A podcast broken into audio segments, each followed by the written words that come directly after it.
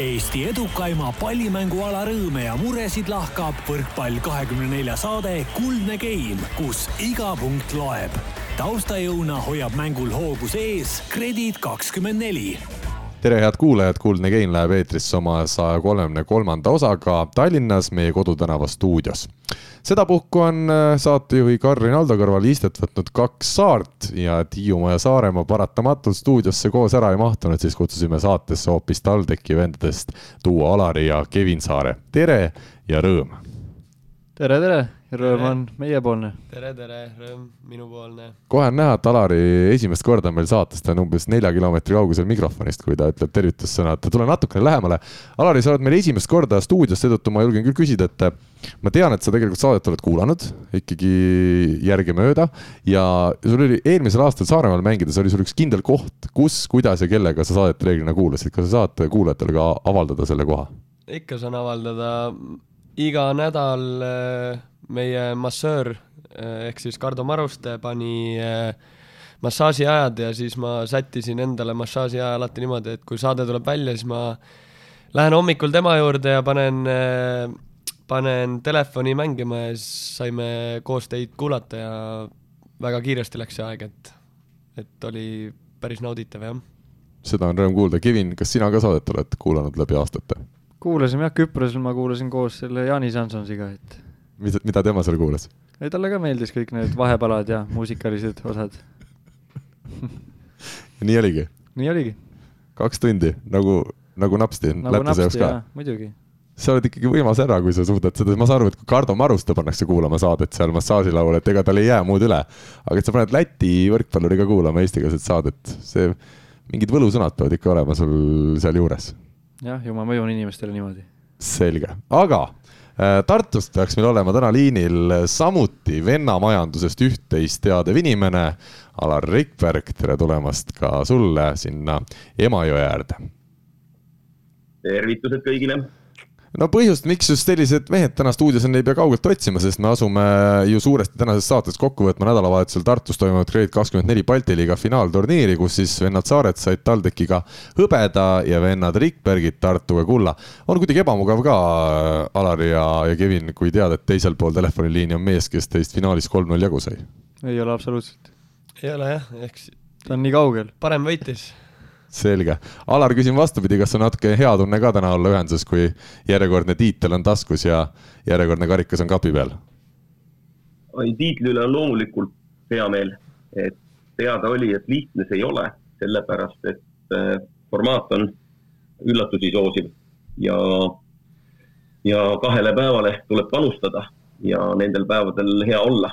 et sellepärast ma olen selle tiitli üle küll ikkagi väga õnnelik ja eriti mõeldes möödunud hooaja peale, kui ma esimest korda peatreenerina viisin Bigbank Tartu meeskonna Final Fouri, siis sealt küll midagi näppude vahele ei jäänud, kahjuks ainult neljas koht pluss ports vigastatud mängijaid kas see tähendab seda, et, et ütleme, spordis ongi nii, et kui eelmine aasta ma, ma usun, väga valusalt mõjus see Balti liigas neljandaks jäämine, mäletame seal ju ka Gert Toobal sai vigastada, aga, aga seda enam järgmisel aastal on seda indu taolist tiitlit ära võita, et, et ikkagi sellised võidud ja kaotused käivad käsikäes ja võib-olla mõne kaotuse pärast on see mõni võit just äh, palju magusam. loomulikult ja ega spordis, vähemalt tippspordis sa ju võitmise pärast seda tööd teed ja tulemus on väga määrava kaaluga. seda enam on hea meel, kui võidad ja seda valusam on iga kaotus, et äh, mäletan esimesed välishooajad Poolas, kui ma olin Kuprum Lubini meeskonnas, siis mingi hetk tuli ka korralik masendus peale ja kahtepidi, üks on see, et sa oled kuid kodust eemal, äh, võõras riigis, võõras kultuuriruumis ja teine asi see, kui veel palliplatsil ka asjad ei suju ja järjest ridamisi kaotusi tuli. Õnneks meil küll kõige hullem see hooaeg ei olnud. See esimene kõige pikem hooaeg, kus ma kaheksa kuud siis järjest olin, olin Eestist eemal. et aga noh, pärast järjekordset kaotatud mängu istuda bussi, kui sa tead, et sind ootab kaheksa või kümme tundi loksumist, meestel on üsna masenduses näod, olekud, et ega seal midagi toredat ei ole. Õnneks Eestis on vahemaad väiksemad Kevin, kui isegi. no ega jah, eelmine aasta Saaremaa otsa oli ka ikka päris korralik kuus tundi, nüüd on jah, pärast nende lahkumist on kõige pikem, on meie jaoks Taugapilsi sõit, et see on selline viietunnine umbes. Kevin, mis sinul sellest hooajast kõige selline kehvem tagasisõit on olnud tulemuse tõttu või muudel põhjustel? ei teagi, maganud bussis kogu aeg tagasi tulles, et aga mul kohe tekkis Allile see küsimus, et, et kui eelmine aasta noore treenerina siin Eesti liigas, et kas äkki panid Balti, enne Balti liigat panid trennidega üle või, või no küsime niipidi siis, kas see aasta oli ettevalmistus kuidagi teistsugune, et, et kaks päeva ära kestaks ja ei tuleks tagasi hunniku vigastustega, nagu sa ütlesid, et eelmine aasta juhtus? ei olnud teistsugune, aga kui sa mõtled selle eelmise aasta mängugraafiku peale mm, -hmm. siis seal läks ju niimoodi, et Eesti finaalid, kus pidid olema tippvormis ja kohe otsa tuli Balti liiga. Ehk siis ak aken läks liiga pikaks, kui mehed pidid olema kogu aeg maksimumi lähedal. täpselt. Ja meie ju veel suutsime seal ühe sellise korraliku soperduse teha, et me saime Pärnu käest esimese veerandfinaali tappa. mis tähendas, et me pidime veel kaks mängu järjest otsa mängima. Ja kõik need asjad, noh, Taugapilsist ikkagi sõitsime üsna lihtsalt üle ja seal ei olnud liiga palju energiakulu, aga eelmine aasta jah, sai kõik see kokku ja ja ega treeningutes muudatusi ei teinud, suht samamoodi, aga noh, vot see on see koduväljaku eelis, et kui öeldi, et meil küll kodus saali ei olnud, aga ETV-le antud intervjuus ma ka ütlesin selgelt, et eh, kodusaal on üks eelis, teine asi on see, et sa oled lihtsalt kodus, sa ei sõida, eh, sa elad kodudes, sul on mugavam, et eh, seda ei tasu kindlasti vähe tähtsustada, et saal saaliks on see Tartu Ülikooli spordihoone või on see Alakohvi spordihoone. aga sellist, aga kas sellist ideed ei olnud, et äh, risk, riske maandada, et selle Amberi vastu mängida võib-olla no ütleme, et kolm põhimeest, kolm meest võtavad äh, noh, ütleme siis põhikoha lähedased äh, mehed, et ja siis finaalis mängida täis nagu põhikoosseisuga, et lihtsalt riske, riske minimaliseerida ja olla rohkem löögivalmis? ei olnud sellist julgust, et üldse minna Final Fouri finaali mõtetega. ehk siis kogu keskendumine meie viimased trennidki olid üles ehitatud, et mängida leedukatega. no ja seda enam, et ja... Amber oli ikkagi väga, väga hea soos ka nagu siin. oi, lisaks sellele nad olid väga hea keskendumise ja mänguks valmistumisega. see, kuidas nad peale tulid, see oli täitsa üllatav minu jaoks, natukene isegi võib-olla ka mängijatele šokk, et nad ikkagi võitlesid ja, ja mängisid hästi. me ei saanud ikkagi ühelegi rünnakule ei kaitses, ei plokis näppe vahele ja esimene pool game'i oli küll selline, nagu et mängiks mingi päris tippklubi vastu aga noh, siis äh, hakkasid nad järjest kukkuma ja kukkuma me jõuame juba peagi hakata rääkima siis lähemalt ka sellest Balti liiga finaalturniirist, aga siin sissejuhatuses äh, mainime ära Mihkel Uibola, et esimest korda ei ole väga pika aja tagant siis saates. ta on jäänud haigeks ja me saadame siis sõna otseses mõttes tervise talle ja loodame, et ta on peagi taas äh, tähtsaid ülesandeid täitmas. aga siia võib-olla selliseks kõrvalteemaks vaatasin Mart Juhkam enne saadet jagas sotsiaalmeedias FC Flora tehtud klippi, kus siis tutvustati meeskonna tänavusi liikmeid ja seda tehti sellises mm, A Le Coq'i siis äh, Arena või, või Lilleküla staadioni äh, nende ruumides, kus Flora tegutseb ja, ja jäi ikkagi päris hea mulje sellest äh, Flora infrastruktuurist. Alari, sina oled Eesti jalgpalli meistriliigas mänginud, kas sellised, ütleme, head tingimused on igas klubis või see on selline Flora erand mm,? nii palju, kui mina tean, see on Flora erand, et äh, nendel see köögitagus on ikka päris, päris äh, muljetavaldav, et äh, et paljudel tippklubidel, noh, nii-öelda Eesti tippklubidel kindlasti sellist asja nagu ei ole, et nendel on enda eraldi kokad, nad peavad hommikusööki sööma kõik koos, vahepeal on, ma tean, neil väga tihti jalgpallis ei ole, et on kaks trenni päevas, aga siin hooaja ettevalmistusperioodil oli kaks trenni päevas ja siis siis nad, ütleme kell kümme hakkas trenn, kella kaheteistkümneni kestis ja kahe poole tunni pärast hakkas uus trenn, nii et nendel on puhkeruumid kus on Playstationid, kus on äh, telekad, äh, kus saad pikutada, lauamänge mängida, massaažis ära käia, no kõik ütleme tippspordiks vajalik, et väga kodune on see olek neil seal no aga teil on ka ju TalTechi spordihoones on teil uh, Uku ruumi seal diivanil saab pikali olla, teil saab äh, sööklas käia söömas, ma tean, et te ju mingitel hetkedel käitegi seal söömas. Teil on füsioruum era-, eraldi, kus on siis äh, Liisi Sakala, kas Risto Jamnes, keegi veel seal. et kas see vahe on tegelikult nii suur, kui see tundub või, või ei ole? eks see vahe on ikka suur, ütleme nii, et see ongi ainult nende kasutada, ehk siis klubi kasutada ja noh, okei okay,, mõni arvab, et äh, meie saame küll TTÜ-s süüa ilusti ja kõik on nagu hästi TalTechi spordihoones, aga seal on ikka toitumisspetsialistid selle toidu sinna ette teinud ja enda eraldi kokad ja et ma arvan, et see on nagu veits tase kõrgemal, et. aga ütle kuulajatele, miks sul on nii hea siseinfo, et mille järgi sa neid kellaaegasid tead, millal trennid on ja kuidas seal need toitumisnõustajad, asjad, et? sellepärast, et eh, FC Flora sellel hooajal siis keskkaitsja, Eesti koondise vasakkaitsja Marko Luka on mul üks parimaid sõpru ja ja olin kaitseväes temaga koos äh, kaheksa kuud äkki olin, tema oli kaheksa kuud, ma olin üksteist kuud, aga kaheksa kuud olime siis äh, koos. et äh, sealt meie sõprus algas ja eks ikka kuuled seda, ma proovisin talle nii-öelda kõvatada selle Saaremaaga, et kui ma mängisin Saaremaal, et oh, meil on massöörid ja värgid-särgid ja siis kuidas tema rääkis enda asju, mis seal jalgpalli nii-öelda telgitagustes toimub, siis ütleme nii, et tegi natuke kadedaks küll, et, et jah Alar, kuidas teil Tartus on, kas pigem äh, sedasi Flora moodi või ajate ka päris äh, tagasihoidlikes tingimustes läbi? No sa tead isegi, et meil on üks pisikene ilma akendeta kontoriruum äh, füsioruumi jagame kõigi teistega. Äh, et noh, loomulikult ei saa nuriseda, et ka ülikooli spordihoones on tingimused heal tasemel spordi tegemiseks olemas. aga ma ütleksin selle kohta, mis ma videos nägin mis ma nüüd veel Alari poolt juurde kuulsin, et Floras ei ole mitte tingimused, vaid Floral on ikkagi juba luksuslikud tingimused. Nõus. aga miks luksus, sa mõtled, eh, sa mõtled siis mida? ma mõtlen kõike kasvõi vaadates seda kööki, mõeldes selle peale, kui tore oleks ka minul, et meil siin ühes teises linnanurgas osad mängijad võib-olla saavad tasuta lõunat, mõned teevad ise kodus, ma ei tea, pelmeene. et kui mängijal oleks soov kahe trenni vahel spordihallis puhata, siis noh, ma arvan, et spordihalli riietusruumi pingi peal eh, ei ole väga mõnus puhata ja päris fuajeest diivani peale see ka ei lähe, et noh, sellised inimlikud, mõnusad, ma just noh, selle Flora peale mõeldes tundub nagu, et laagri korraldamiseks oleks see super ja, ja noh, me ikkagi käime kodus, kodust eh, lähed sa trenni, trennist jälle koju, et noh, me oleme paari tunni kaupa seal spordihallis ja ja sellist äh, mugavust pikalt aega veeta ikkagi ei ole. Aga teil seal Tartus siis sellist ruumi ei ole, nagu meil Uku, Uku juures on, et äh, lähme diivanile, paneme jalad, jalad diivani ääre peale ja puhkame, et Rikandil neid võimalusi ei ole seal, jah?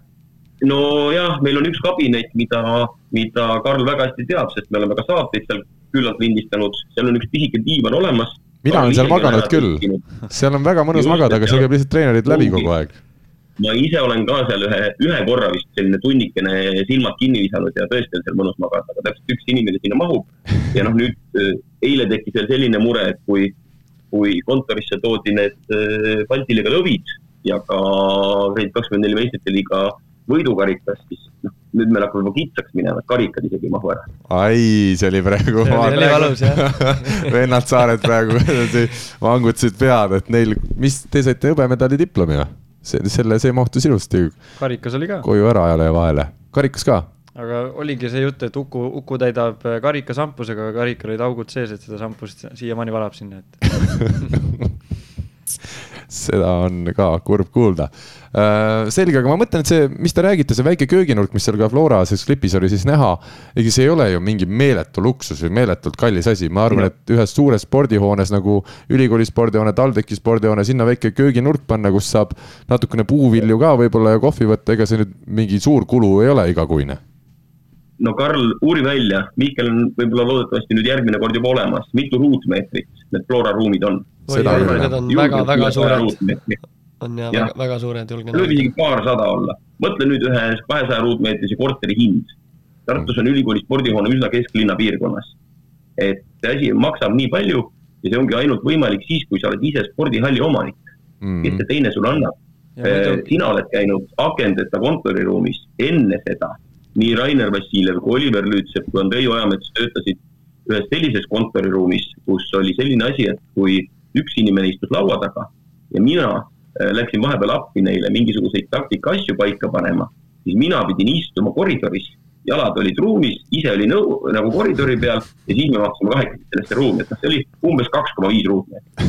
ja näiteks TalTechi näol ma arvan, et selline asi ei saaks kõne alla tulla, sest TalTech peab ju korraga üleval äh, lauatennise meeskonda, korvpallimeeskonda, võrkpallimeeskonda, seal on tantsutüdrukud. tantsutüdrukud, asjad, et äh, noh, kuidas, kelle vahel sa valid, et kellele me selle köögi ehitame, et Floral, ma arvan, et korvpalliklubi ja võrkpalliklubi ei ole kõrval, et et eks ja noh, rahanumbrid on ka vähe teised, mis jalgas liiguvad, et see on asjade paratamatu käik. no lihtsalt Maailma Jalgpalliliit ja Euroopa Jalgpalliliit nii-öelda toetab ju jalgpalli, nagu te olete siin saates ka rääkinud, et et siin Eesti võrkpallil äh, sellist luksust ei ole kahjuks, et aga noh, samas oleme seni hakkama saanud, ma arvan, et saame edaspidi ka hakkama, et see on ilus, see on ilus selline mõttekäik ja ega seda saadetki ju äh, teeme siin ikkagi luksuslikes tingimustes Tallinna kesklinnas. meil on oma köök. meil on siin oma köök olemas. meil on oma diivan, voodi põhimõtteliselt on siin kõik isegi parkimiskohad olemas, mis tänapäeval on väga kallid. ja Floral seal kaminat ma küll kuskil ei näinud. meil on ka kamin meil on ka kamin, mida tõsi saate ajal ei ole nüüd väga tihti kasutatud, võib-olla täna esimest korda äh, härrad Saared istuvad kamina kõrval hetkel, kas mingi hetk hakkate võib-olla lihtsalt puid alla panema, sest ma usun, et te saate jooksul puid alla panete niikuinii. aga et kuhu, et see võiks siis võib-olla kaminasse jääda täna, Kevin vaatas sa muigad. jah, vaatame, mis saab. selge, aga head sõbrad, võtame ette tänase saate esimese teema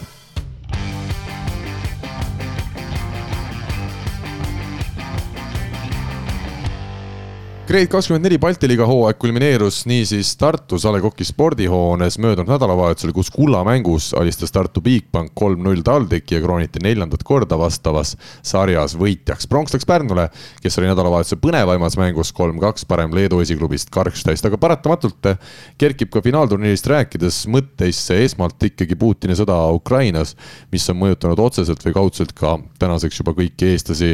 Boriss Žukov ja Bogdan Mazenko siis Pärnu meeskonnast ja neli ukrainlast Karkstai võistkonnast olid sündmuste keerises ka finaalturniiri ajal ja ütleme, ütleme tõesti, kui millegi poolest jääb see finaalturniir kõrvaltvaatajana eriti meelde, siis minu jaoks Boriss Žukovi näol esiteks see, kuidas pärast poolfinaali Žukov ja Masenko läksid mõlemad telefoni juurde Äh, hakkasid tegema kõnesid Ukrainasse kodustele. mõlemal olid mingil hetkel ka seal äh, silmis pisarad, sest ei olnud teada, kus on parasjagu lähedased. ja siis ühel hetkel umbes, umbes pool tundi pärast selle poolfinaali lõppu tuli siis äh, Žukov ise minu juurde ja küsis, et kas, kas, kas ta saaks intervjuud anda.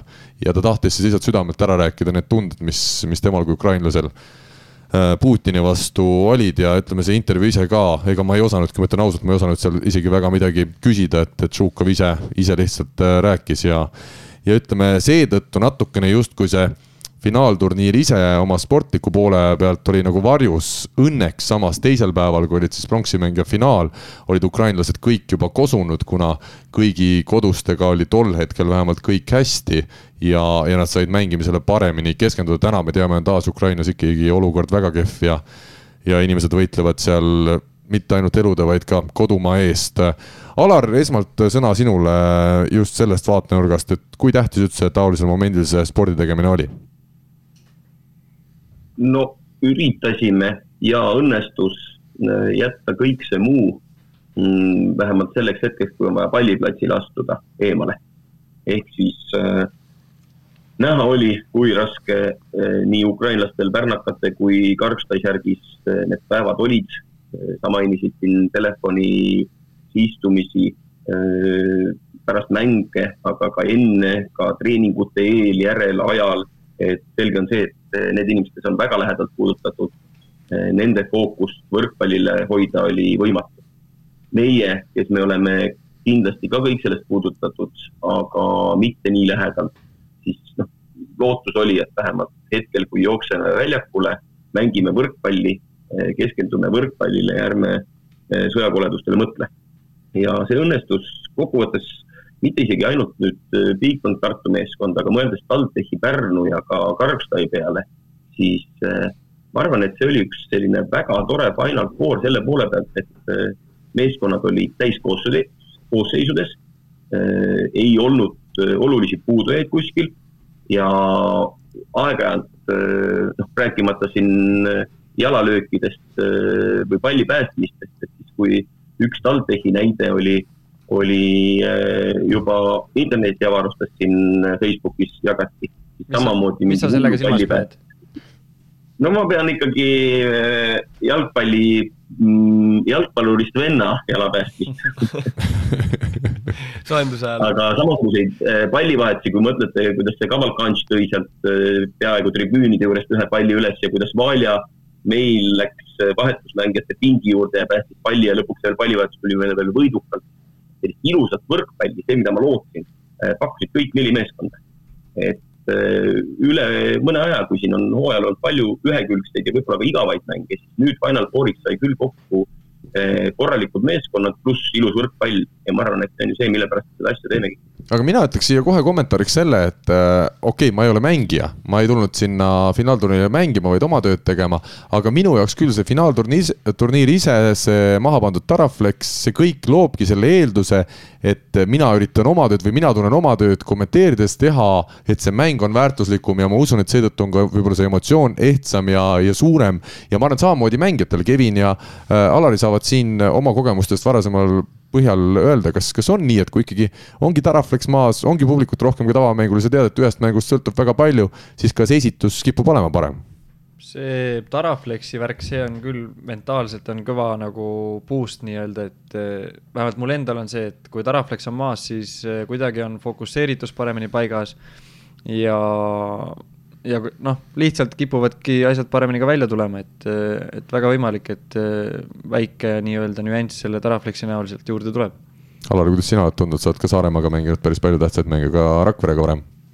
ütleme jah nii, et see Taraflex annab sellise, Taraflex annab sellise boost'i juurde, nagu Kevin ütles, et kui näed seda, ütleme, üks päev enne treeningul juba on ju ja saad seal trenni teha, siis sul tuleb juba selline, ütleme nii, et väga-väga või noh, ütleme, kus midagi jagatakse, sellise mängu tunne tuleb kohe peale, et et ja piirid on selgemini näha ja muidugi see atmosfäär, mis seal on, et kõik need plakatid, bännerid, Meelis Kivisilla, need LED-valgustid, noh, kõik, kõik, et see väga hea ja nii-öelda nauditav on mängida sellises keskkonnas, et võrkpalluri pidupäev, ütleme nii kui me räägime suurest plaanist veel, siis ähm, esiteks tahaks siinkohal kiita ikkagi Tartu Bigbanki klubi, kes otsustas siis, et finaalturniiri piletitulu läks otseannetusena Ukrainasse ja tänaseks on teada, et üle kolme tuhande euro natukene siis seda piletitulu koguti.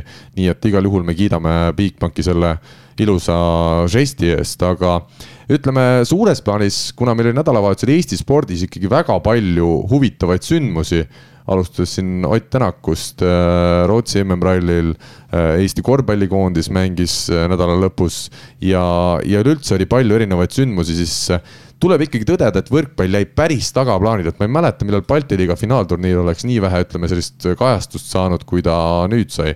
Alar, see on vist paratamatu, et ega me siia midagi teha ei saa ja neid kalendreid on ka keeruline ralli MM-etappide järgi paika panna loomulikult, et äh, võitlus meedia tähelepanu eest käib erinevatel spordialadel ja ei ole midagi teha, mõnikord saad sa rohkem tähelepanu, kui see ajastus on parem mõnikord saad sa vähem tähelepanu, aga noh, jah, mõistlik oleks natukene, tehaksegi koostööd siin erinevate spordialade puhul, näiteks Eesti näites, aga, aga isegi siis, kui näiteks Eesti võrkpallifinaal langeks samale päevale korvpallifinaaliga, siis mis seal ikka, et äh, tõsine spordifänn jälgib mõlemat ja tähelepanu tuleb omavahel ära jagada aga läheme nüüd siis sportliku osa juurde ja alustame sellest esimesest poolfinaalist. Tallinna Tehnikaülikooli meeskond siis jõudis Balti liiga ajaloos, teame, Balti liiga sai alguse kahe tuhande viiendal aastal. Äh, Balti liiga ajaloos teist korda finaali, kord varem oli finaalis TalTech mänginud, see oli kaks tuhat kolmteist aastal, Janis Sirel-Pluss esimene peatreeneri aasta, kohe tuli tiitel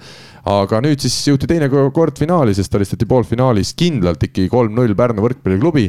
Pärnu küll mingitel momentidel suutis vastupanu osutada ka, aga, aga ikkagi see tasemevahe kokkuvõttes täpselt nii suur oligi, et TalTech andis skeemides Pärnule kakskümmend üks, kakskümmend kaks ja üheksateist punkti. TalTechi resultatiivsemad poolfinaalis olid Mattias Midal kahekümne punktiga pluss kaksteist. Kevin Saar, meilgi täna saates olev mees üheteist punktiga pluss viis ja Pärnule tõi siis kõige rohkem punkte kümme. Tom Schwan, see efektiivsusnäitaja pluss seitse. Alar, kuna sina selles paaris kaasa ei löönud, siis seal mina julgen küll öelda, et mingeid üllatusi justkui ei olnudki, et kõik see läks nii, nagu minema pidi. no nii ja naa. Pärnu oli viimastel aegadel näidanud head mängu. minu ennustus äh, kui ma nüüd õigesti mäletan, mida ma ka siis Märt Roosnale ühes intervjuus julgelt enne finaalturniiri andsin esineliku osas, täpselt nii paika läkski. aga isegi meil oma meeskonna sees oli päris mitu, mitu inimest, kes arvasid, et Pärnu võib seal üllatada ja olid peaaegu nõus isegi minu, isegi minuga kihla vedama sel teemal, aga lõpuks loobusid ikkagi. mina arvasin küll, et TalTechi üleolek peaks olema selge ja Pärnu nende viimaste nädalate heade mängude foon ei anna väga õiget pilti, rääkimata sellest, et võib-olla on ukrainlastel mõtted rohkem koduste peal, vaid ka sellepärast, et noh, täiesti teise koosseisuga mäng, mänginud TalTech, keda Pärnu võitis, sellest mängust ei saa midagi järeldada Äh, Jekapils, kes pärast siis hooaja alguses äh, olnud selle esimese sidemängija ärasaatmist ikkagi oluliselt nõrgemaks läks. et äh, ja ka seal ühes mängus eriti Pärnu pidi väga kõvasti vaeva nägema, et üldse võita. et selge on see, et pärnakad sammu edasi on teinud ja koosseisu uuenduste ja uute mängijate tõttu meile TalTechile lähemale on tulnud, aga ma arvan, et siiski tasemevahe oli üsna ilmne kui ma räägin veel publiku numbritest korra, siis ametlik statistika ütleb, et seda esimest poolfinaali TalTech ja Pärnu vahel oli vaatamas koha peal sada viis inimest. see on ikkagi Balti liiga selline Final Four, suur kahepäevane turniir. ikka paratamatult jälle tuleb seda sõna paratamatult kasutada ikka väga väike number, et me anname aru küll, et on koroonaaeg ja oli palju teisi sündmusi, aga ma mäletan, kui Kuressaares toimus äh, Balti liiga finaalturniiri mingid aastad tagasi, siis seal oli ikkagi kõiki mänge, kõiki nelja mängu oli ikkagi vaatamas väga suur hulk äh, rahvast. et Alar, kas oskad ka mingeid selgitusi tuua või, või põhjuseid, miks ikkagi ütleme, ainus mäng, kus oli sedasi mõnusalt rahvast, oligi siis äh, lõpuks see laupäeva õhtune finaal jah, finaalis oli tõesti märgatavalt mõnusam, ma ei tea seda numbrit, aga mõeldes selle peale, et koos korraldajate osalejatega piirarv oligi tuhat ja müüki paisatigi ainult seitsesada neid pileteid, siis eh, ega palju sellest puudu kindlasti ei jäänudki, sellest numbrist. et üsna maksimum, mis tänased tingimused lubavad. Eh, esimene poolfinaal, mm, seal hakkas määrama juba kindlasti kellaaeg. Et kui me mõtleme selle üleüldse selle nädala lõpu peale et äh, sa rääkisid konkureerivatest üritustest, on see ralli või on see korvpallikoondis madistamas poolakatega. siis äh, lisaks oli meil ju vabariigi aastapäev, pärast mida oli üks tööpäev, kes, millised ettevõtted seda tööpäevana üldse käsitlesid, võib-olla inimesed sõitsid, äh, ma ei tea, suusatama ja, ja teine asi see, et need, kes ka olid tööl, et esimene poolfinaal algas ikkagi üsna halval ajal. see oli ka põhjus, miks ju Tartu Bigbank mängis teises poolfinaalis.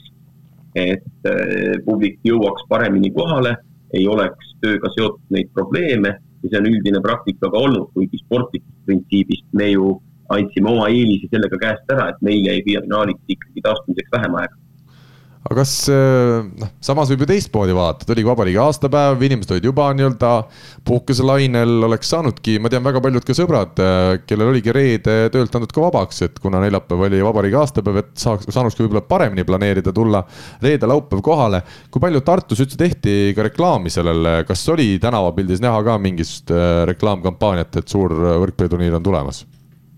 Pigem ikkagi vähe, et äh, oli seal rohkem ikkagi sotsiaalmeedia lihtsalt äh, ajakirjaniku poolt toodetud siis äh, eellood, aga ei olnud kindlasti mingisuguseid reklaame bussipeatustes või, või suuri plakateid kuskil linnahoonete seintel, et, et jah, olen nõus, et seda võiks teha, sinna võiks panustada samas mina ei oska väga palju sellest, sel teemal kaasa rääkida, sest et enne Final Fouri ma ikkagi keskendusin puhtalt võrkpalli poolele, mitte sellele ümbritsevale ja sellega nõus, siis mina, mina alati üritan vaadata seda laiemat pilti ajakirjanikuna, ma arvan, see on ka üks minu ülesandeid, et. et sada viis, esimene poolfinaal Balti liiga finaalturniiril, see tundub ikka karjuvalt äh, nukker äh, number olevat, et. et ma usun küll, et on võimalik äh, neid numbreid suuremaks saada, kui, kui ikkagi teha mingisugust läbimõeldavat tööd, et kas siis tänapäeval, noh, ongi üks variant on seal korraldatavas linnas teha sellist tänaval kampaaniat, teine variant tänapäeval ja mis hästi toimib, on sotsiaalmeedias. Suunata täpselt õigele grupile tartlastele sellist äh,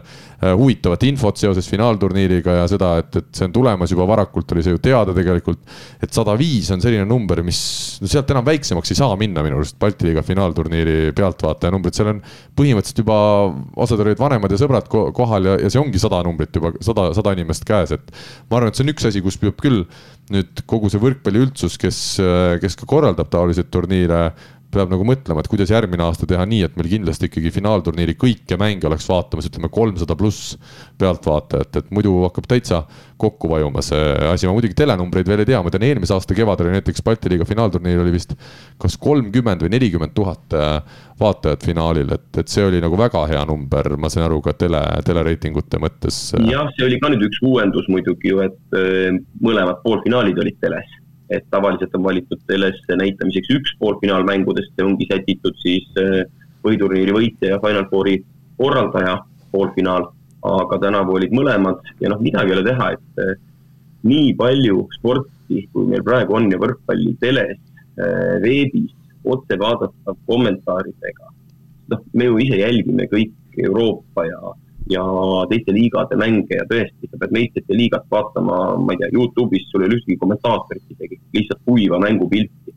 aga meil tehakse seda asja äh, päris hästi, ma ütlen äh,, olemasolevate vahenditega. mis tähendabki seda, et kõik mängud tuuaksegi niimoodi koju, et ma pikutan diivanil äh,, teen teleri lahti või teen arvuti lahti ja rääkimata sellest, et ma ei pea pileti hinda maksma, ma ei pea üldse kohale minema, mulle tehakse spordi jälgimine nii mugavaks ka kodus jah, sellega ma olen nõus, aga samas ma ütlen, et ega mingid suured mängud äh, võiksid ikkagi olla sedasi, et neid vaadatakse palju telekast ja vaadatakse palju ka koha pealt, et teine emotsioon on ikkagi see kohaloleku emotsioon, kuigi jah, ma olen nõus. kindlasti, kui oli esimene poolfinaal TalTech Pärnu ja seal on sada pealtvaatajat, siis sealt võib-olla publik tõesti seda emotsiooni kätte ei saanudki ja, ja kes teab, võib-olla oligi teleri vahendusel parem see emotsioon, aga okei okay.. Läheme selle teise poolfinaali juurde, Tartu Bigbank, Karkstai, Ämber Arlanga. Tartu võitis kolm-null, kaheksateist, kaheksateist ja viisteist punkti siis Karkstaile anti. Äh, esiteks kõrvaltvaataja emotsioon, kui ma loen siin veel ka punktitoojad äh, ette, Valentin Kordas seitseteist punkti pluss üheksa, Albert Hurt neliteist punkti pluss kümme Tartule. ja Austrias taasjuhendava Karkstai võistkonna resultatiivsemad olid siis Viktor Šekaljuk äh, kaheksa punktiga ja Daumantas Katinas samuti kaheksa punkti, efektiivsusnäitaja vastavalt pluss kaks ja pluss kolm. Kevin Alari, kuidas teie üldse vaatasite seda mängu, te olite vist kohapeal suurema osa mängust või? Äh, ei olnud kohapeal, et pärast enda esimest poolfinaali läksime sööma sõime siis äh, seal Newtonis ähm, ja pärast seda läksime hotelli. et äh, vaatasime hotellis ja teleka vahendusel või kes vaatas siis arvuti vahendusel ja tean, et mõni mees ka läks saali vaatama, aga treeneri suunitlus või nii-öelda käsk oli see, et äh, kui peaks tulema viis game'i, et viite game'i kindlalt ära ei vaata, et hotelli puhkama, et järgmine päev on vaja finaali mängida ja lubas siis kaks game'i vaadata, kes seda soovis, et ja vaatasime teleri vahendusel seda mängu, alguses tundus päris põnev, et äh, kaitses äh, nii-öelda leedukad äh, väga südikat vastupanu näitasid Tartule ja seis oli äkki kolmteist, kolmteist. Eesti koondise kapten Gert Toobal läks servima, järgmine seis oli seitseteist, kolmteist äkki, et minu arust see hooaeg on päris palju seda juhtunud, et game'i keskel, kui see on hea asetus äkki neil side üks, et Gert läheb servima ja siis tuleb selline viiepunktiline, nelja-viie, kuuepunktiline vahe sisse, et noh, see näitab äh, kvaliteeti, jah. no mis te olete teinud, Alar, seal Tartus selle Gerdi serviga siis, et see nii ohtlikuks on kujunenud? oi, need on ikkagi üksikud mängud, sellepärast et äh, kui sa vaatad, äh, Gert ei olegi Eestis väga palju mänginud ju sel hooajal, jaanuaris alles alustas. ja esimene mäng oli ikkagi selgelt andis see pikk paus tunda, mis tähendas, et ta lihtsalt nagu kuulitõukaja toksis selle palli teisele poole, mingit ohtlikkust seal küll ei olnud.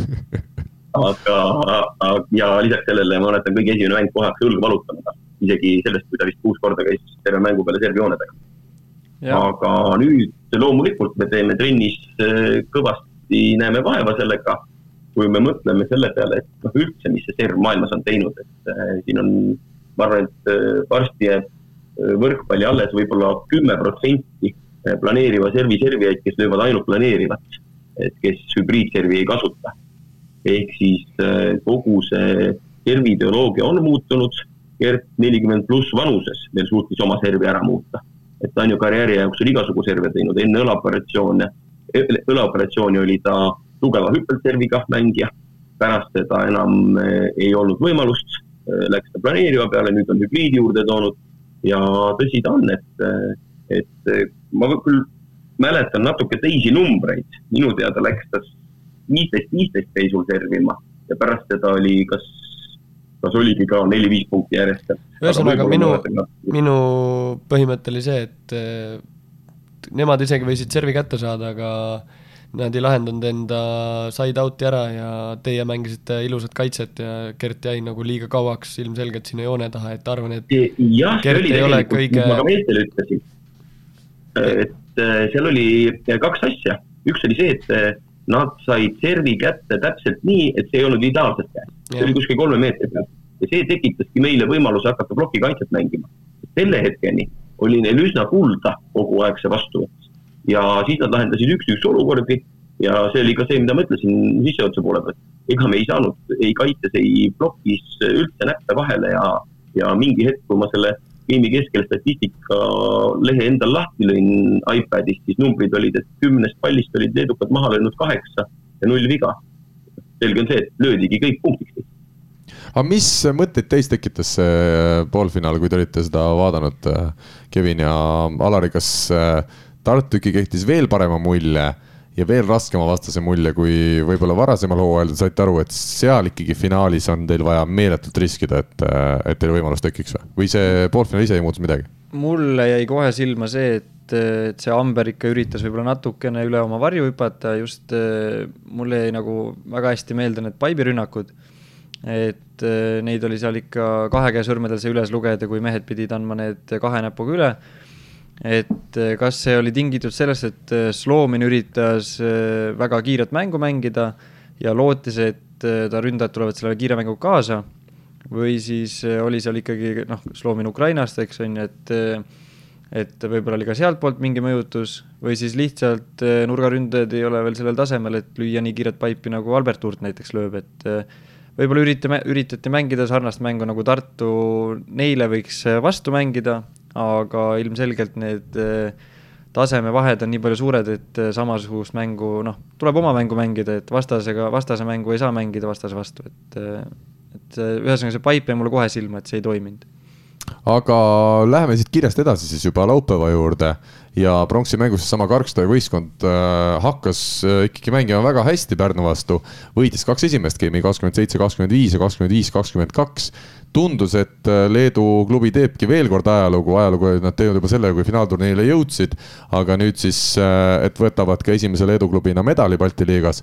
aga nii ei läinud, Aavo Keel ja tema kavalad otsused äh, ja käigud aitasid Pärnu tagasi mängu kakskümmend viis, neliteist, kakskümmend viis, neliteist ja viisteist, kümme siis kolme viimase game'i numbrid ja ütleme, see oli küll üks selle hooaja põnevamaid ja erilisemaid mänge. Alar, esimene küsimus sulle, seal mängu keskel sai Karkstai temporündaja Viktor Žekaljuk äh, vigastada ja, ja pidi mängu pooleli jätma, see vahetusest väljakule tulnud kodanik nimega Žaltauskas kindlasti ei olnud päris samal tasemel mees, kes, kes nii väikeses asjas võibki olla ühe pronksi mängu selline saatus kinni või sa ütled, et päris äh, ühe mehe vigastus seda Karkstai unistust ei purustanud? kindlasti oli sellel suur mõju, sest Šikaljuk oli mänginud hea turniiri ja ta on üldse tasemel suur, võimas Äh, ka meie vastu igati korralik esitlus. Äh, kokkuvõttes Pärnu pigem suutis igalt poolt natuke juurde panna ka mänguajas, mängu ajal. ehk siis äh, hakkasid pärnakad veel paremini seal kaitses asju lahendama. tuli ka brasiillasest nurgaründajal natuke rünnakul asjad välja ja Žukov võib-olla samamoodi oskas lahendada ja, ja ega kokkuvõttes vaadata kolmas-neljas game Pärnu üleolek oli ikka ju nii numbriliselt kui ka eh, platsi äärelt vaadates päris selge. aga see ongi see võrkpall, et kui mängivad sarnase tasemega eh, peaaegu et võrdsed võistkonnad, siis eh, üks hetk võib asi väga selgelt pöörduda. ega ka esimene game ju Pärnul oli võtta. ise nad mängisid selle maha, teine game samamoodi.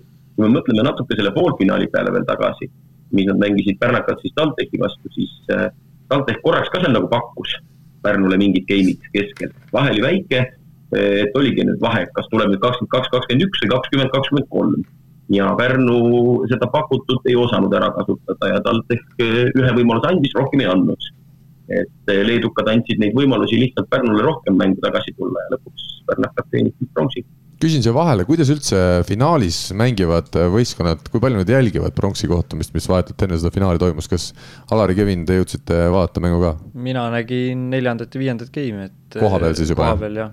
mina ja... vaatasin juba varem, vaatasin, vaatasin Rauno Tammega, olime ühes hotellitoas ja vaatasime siis äkki, kui vigastada sai see suur tempomees, et siis, siis hakkasime saali poole liikuma. siis ja... oli teile selge, et läheb viieks game'iks, jah?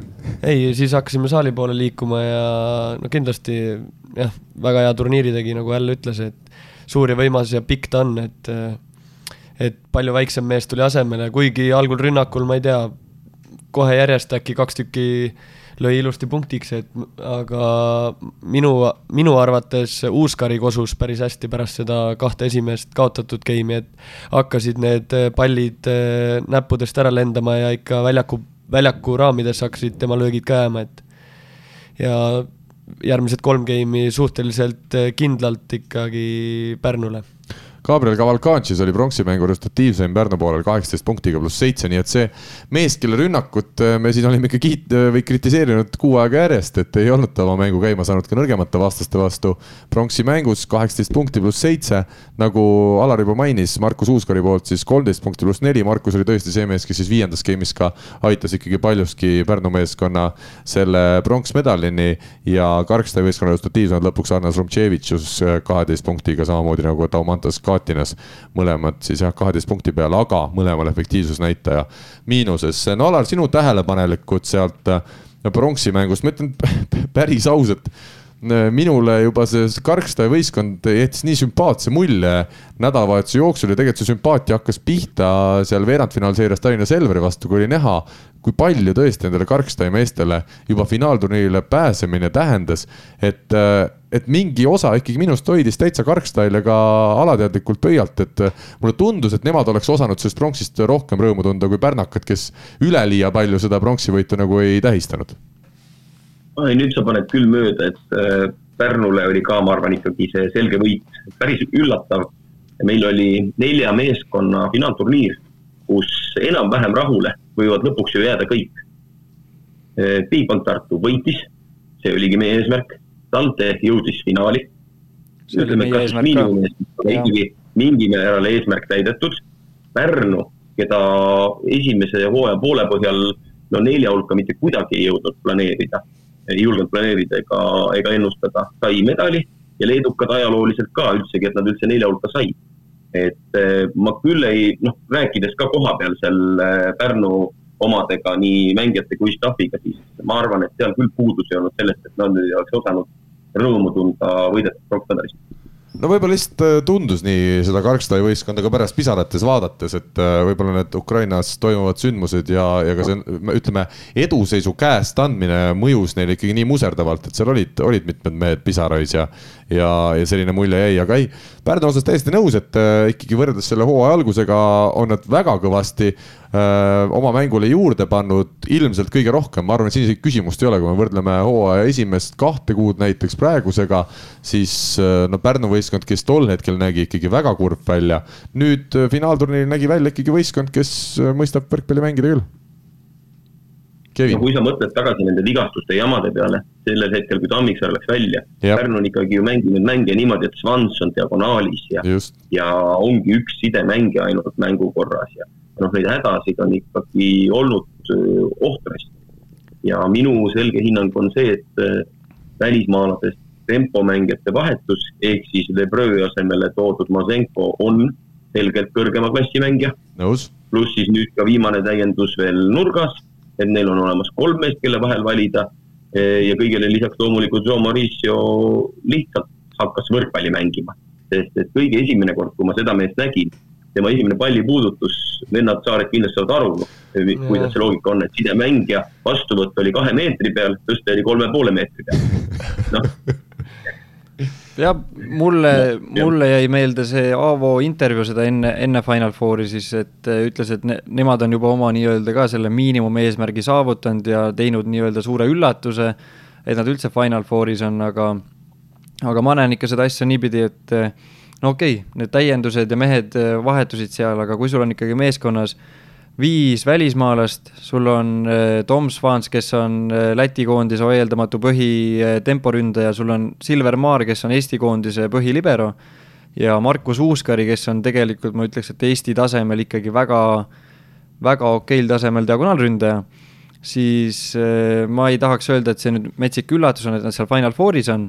Ja minu arust võiksid need sihid olla ikkagi seal kõrgemad, et et ma, ma siiralt usun ja julgen väita, et nüüd äh, Eesti meistrikateks äh, on nendel veel rohkem aega seda kokkumängu lihvida ja seal võiks küll Aaval olla eesmärk ikkagi või vähemalt siis välja öelda, et meeskonna eesmärk on finaalis mängida.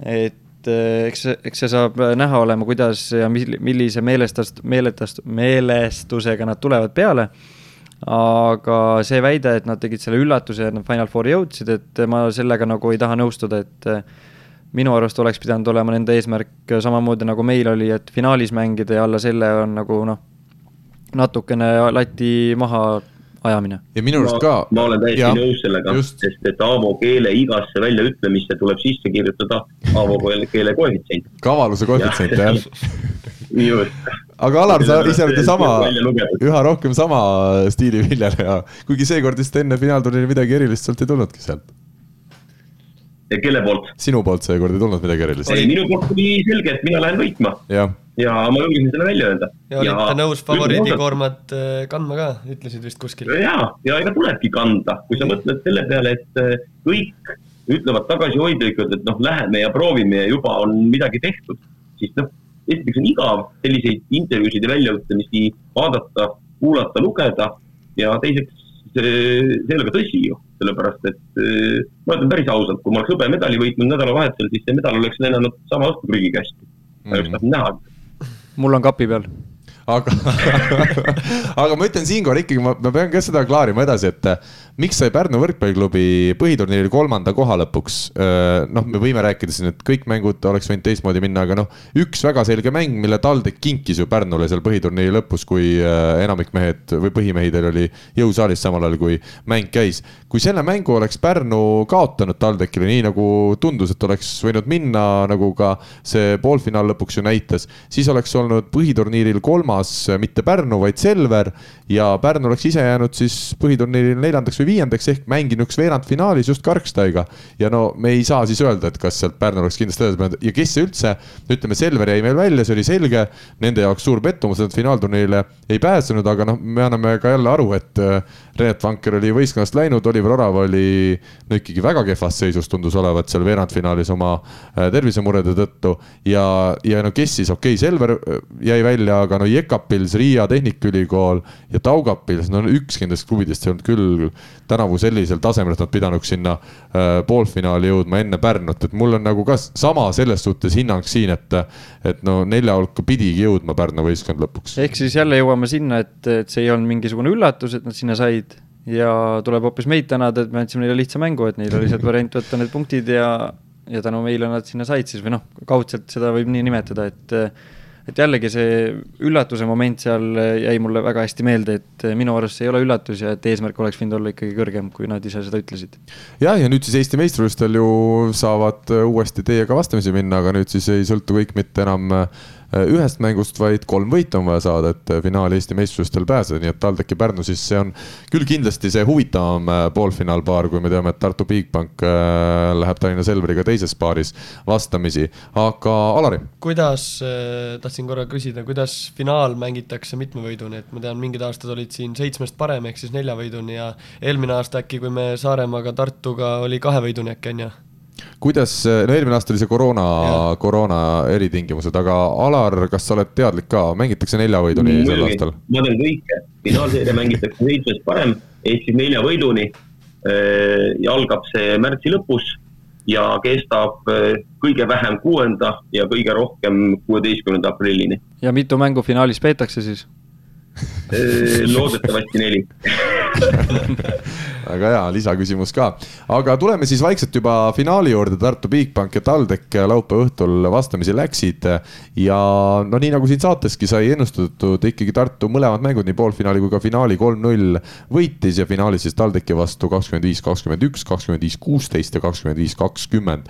Olid need numbrid ja tartlaste resultatiivsemad olgu ka siinkohal ette loetud. Albert Hurt kolmeteist punkti pluss kümme, Martti Juhkam lisas kaksteist punkti pluss kaheksa ja TalTechi resultatiivsemad olid siis selles kullamängus Kevin Saar viieteist punktiga pluss viis ja Mattias Midel üheteist punktiga efektiivsusnäitaja nullis.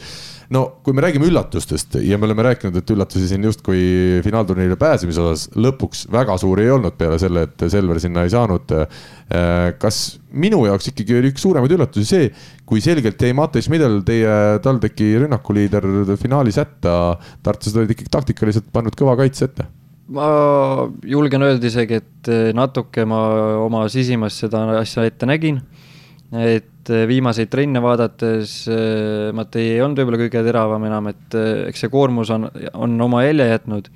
ja teades, kui korrektne on Tartu plokk ja kui sa võtad ikkagi Schmidli need õiged suunad ära ja sa suudad need käed seal õigel ajal üle võrgu ajada, et siin on palju meeskondi, kes suudavad teda blokeerida aga just jäädakse hiljaks enda käte üle, üleviimisega. ja Tartul on tõesti Juhkami ja Urda näol tegemist meestega, kes oma käed suudavad väga palju üle võrgu ajada teisele poole ja siis ongi sellel mehel juba raskused. et eh, see, kui eh, Pärnu jõuab sinna ploki, ploki ette teha, siis tihtilugu on, juhtub selline asi, et need käed on lihtsalt üleval ja Matei oma tugeva löögiga lööb sinna kätesse ja, ja noh, seda on ju vaatajad on ka kindlasti näinud, et et Matei saab väga palju punkte nii-öelda ploki käsi kasutades et eh, kui on korrektse plokiga meeskond ees, et siis tal kohe on ka raskused ja kes suudavad ka selle õige suuna nii-öelda ära kinni võtta, et siis, eh, siis tal ongi raske mängida. Alar, sinu vaatenurk, eh, kõik toimis selles kullamängus just Mattias Middeli peatamisel? jah, ma arvan, et seal kaks võtmeküsimust oli. üks, mis läks hästi ja üks, kus me jäime natuke hätta, mis oli ka asi, mida ma eeldan. hästi läkski Schmidli peatamine et kui te siin vist eelmises saates, kui ma ei osalenud, arutasite, et äh, äkki ma olen selline kõva taktik, et lasen Schmidil teha nelikümmend punkti ja panen ülejäänud meestele tähelepanu, siis kindlasti mitte mm. -hmm. selles võistkonnas ikkagi Schmidli pidurdamine on määrava tähtsusega. ja teine asi, mis nagu meil ei õnnestunud, kuidas see esimene game eriti seal nii pikalt lugade peal oli, oli TalTechi servisurve. tundus juba äh, poolfinaali mängust alates, et äh, see saal TalTechi meestele sobis näiteks servimiseks isegi palju rohkem kui nende enda kodusaal. Taraflex. no täpselt ja natukene kõrgust, võib-olla mingid mõnusad asjad, ehk siis me jäime päris kõva surve alla ja see on nagu, et üks mees oleks servinud.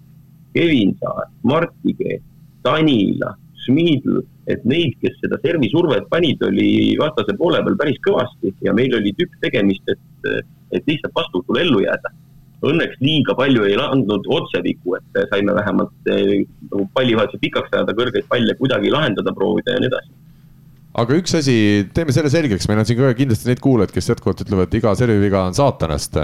Tartu finaalis viis ässa, kümme viga TalTech kuus ässa, kakskümmend viga, kas nüüd ikkagi number kakskümmend kolme game'i peale on liiga suur number või antud mängu arvestades, kus me oleme juba rääkinud, et TalTech pidi riskima, et Tartule vastu saada, on ka kakskümmend serviga selline äh, mõistlik määr Mi? mina julgen väita, et see, see suhe võiks olla üks kahele, et äh, kaks viga, üks äss, et see oleks nagu see ideaalne number. no ideaalne on see, kui ei ole ühtegi viga. no jah, aga nii on väga raske tänapäeval mängida, et see mäng, mis siis äh, Tartu tegi, et äh, ütle korra uuesti, kuus ässa ja. viis ässa, kümme viga. viga, et täpselt. minu arust see ongi täpselt see õige, õige vahekord seal servil. et kakskümmend viga ja oleks meil kümme ässa, siis oleks väga hästi, aga kuna nii ei läinud, siis me, võib-olla me natuke lõikasime näppu, aga samas me teame ka, kui võimsad nad on isegi neid raskeid palle lahendama et äh, siis ei ole mõtet seal rääkidagi sellest lihtsast äh, banaanist, mis sa siin üle ajad ja see tuleb äh, natuke kiiremini tagasi, kui see pall sinna jõuab, et Tartu vastu tuleb serviga riskida. ja nagu Äll ütleb, et esimene game meil see noh, peaaegu õnnestus, aga kuskilt maalt saab see õnn otsa ja hakkavad rohkem vigu tulema, et, et eks see nii juhtuski. korra põiklen esimese poolfin-, poolfinaalmängu juurde, et Pärnu äkki meie vastu tegi lõi ühe ässa ja üheksateist viga, et äh, see on päris jah, et see on, see on suur number, et ja me, kui valmistusime Pärnu vastu, siis me kartsime seda, et äh, Swans tuleb, teeb serviga pahandust seal ja seal Uuskari. on ka teised mehed, Uuskari ja siis seesama äh, nurgaründaja. Jah, kellel on väga ebameeldiv serv, aga meie õnneks nende serv ei toiminud too päev ja tõesti, üheksateist viga, üks äss. andke andeks, kui ma nüüd ja, tulen. kui eriti kui Svansi peale mõelda, siis TalTechil vedas, sest et TalTechi servipäev oli üks päev hiljem eriti mängu teises pooles ta -hmm. ikkagi sai oma kahuri täielikult paukuma ja, ja leedukad olid püsti hädas nende servide vastuvõtul.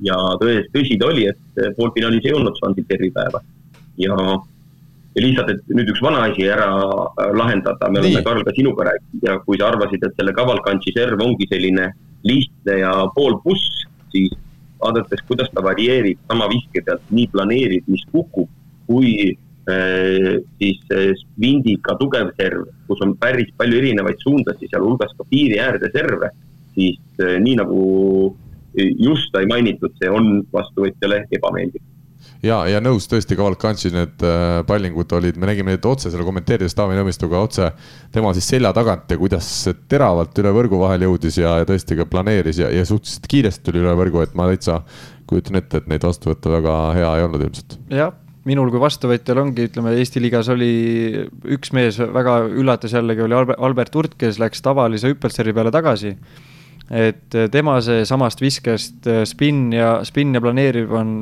vastuvõtja jaoks väga ebameeldiv, et sa ei tea seda palli kiirust, seda asukohta, kus sa pead seisma. teine mees oli Johnson Selveris, kellel on jälle selline ühe sama viske pealt tuleb kahte erinevat servi. ja siis äh, see Cavarante.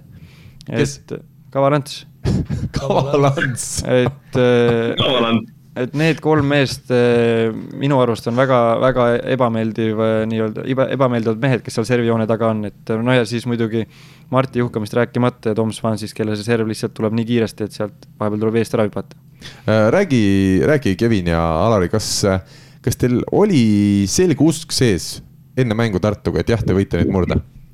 ikka oli jah, ma teadsin, et Tartu on väga kõva võistkond, ka palju kvaliteeti on seal meeskonnas, aga nagu kui me Keviniga koos Rakverega Balti liiga kunagi ära võitsime, et siis olime kaks-null Pärnu vastu taga, seekord samamoodi olime Tartu vastu kaks-null taga finaalis, et usk on, ma arvan, et õige spordimehel peab usk alati sees püsima, isegi kui kui seis on lootusetu, et et ajalugu on näidanud, et on, on, on, on vähe kordi olnud, aga neid kordi on olnud, kui on äh, sellistest seisudest välja tuldud, et ikka oli usk. ja võib-olla meie ettevalmistus selle koha pealt nagu mulle, mulle see nii-öelda ei meeldinud, aga kui treenerid ütlesid, et noh, et me tegime oma miinimumi ära, et lähme naudime, nagu Al siin ütles, et ei ole mõtet seda intervjuudes öelda, et lähme naudime ja vaatame, mis saab. et äh, me seekord äh, nii läksime ja seda ka öeldi, et mehed, et lihtsalt nautige ja mängige, näht-, tehke fun'i ja eks siis vaatame õhtu lõpus, mis tuleb, et minu arust oleks võinud see olla teistmoodi, aga aga samas ma saan jälle treenerite seisukohast ka aru, et meil on meeskonnas paljud mängijad, kes mängivad üldse esimest korda Final Fouris.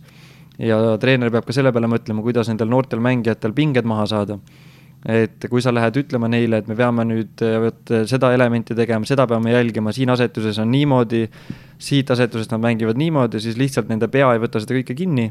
ja lihtsam oligi öelda võib-olla tol hetkel, et mehed, me tegime oma töö ära, lähme naudime ja vaatame, äkki see nautimine viib siis veel suurema naudinguni ja äkki, äkki suudame võita, eks aga mina isiklikult oleks võib-olla teistmoodi lähenenud ja oleksin öelnud meestele, et, et see on ikkagi finaal ja finaali minnakse võitma, et et kes see siis kaotama tahab minna, eks.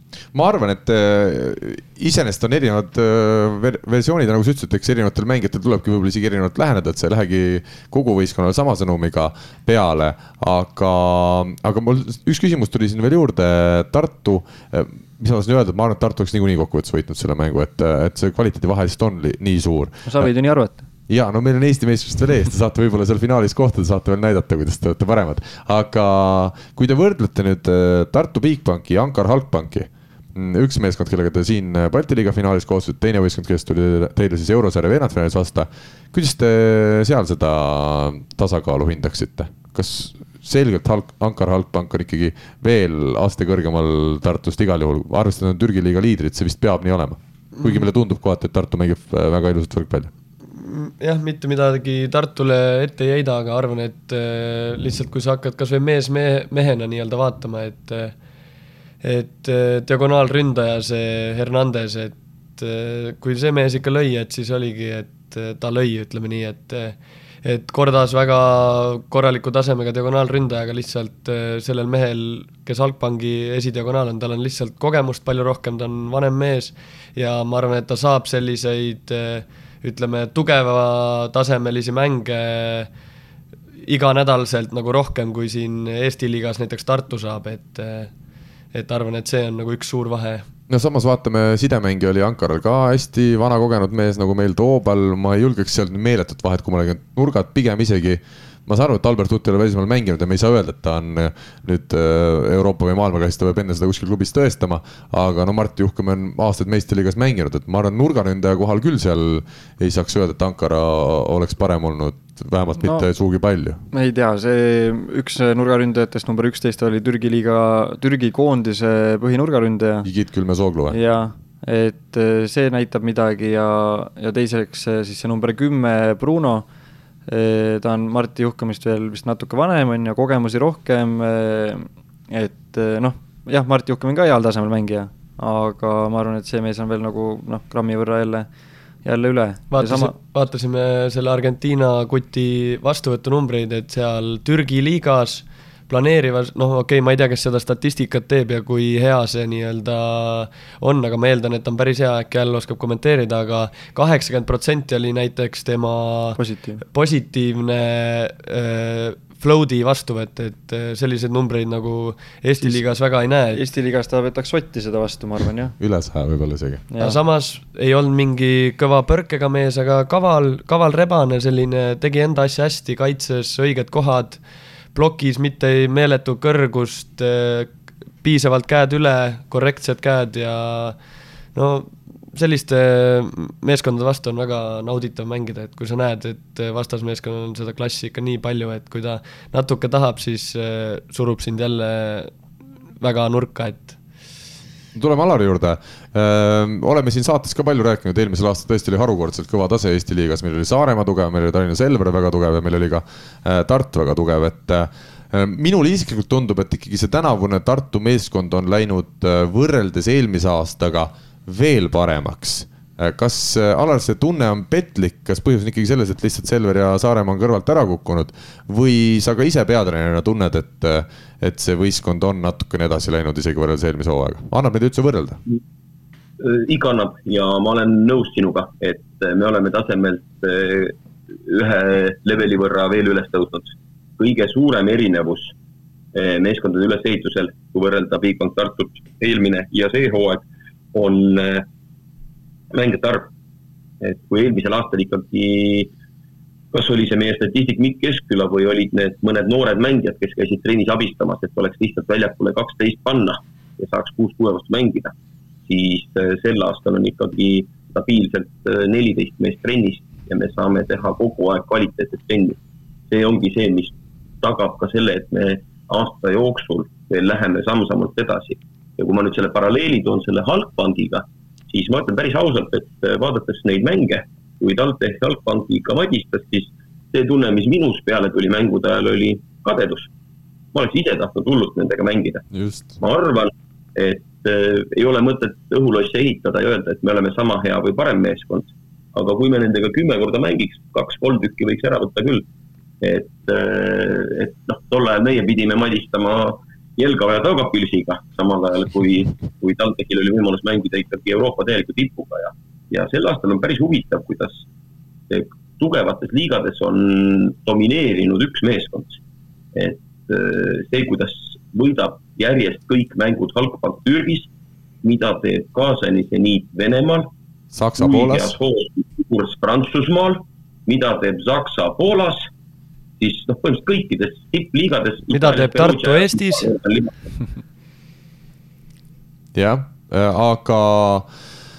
aga ma küsin, Alar, mis on sinu hinnangul, ütleme täna, kui me vaatame Euroopa taset ja, ja seda Tartu meeskonda, mis on, ütleme, kõige paremal tasemel, mis positsioon või milline element ja, ja mis on kõige nõrgemal tasemel, et kus on kõige pikem maa veel minna, ütleme Euroopa siukse paremiku juurde. sa juba seda koosseisu mainisid, et võrreldes eelmise aastaga on see sügavam natukene, aga, aga kui me vaatame muid, muid asju veel juurde ma arvan, et meil on see aasta meie tugevus on ühtsus. ehk siis on see serv, vastuvõtt, plokk, kaitse, rünnak, on need tempod, diagonaali, nurga, eh, side või libero positsioonid, siis meie tugevus ongi ühtsus. me oleme eh, kõikjal eh, arvestataval tasemel.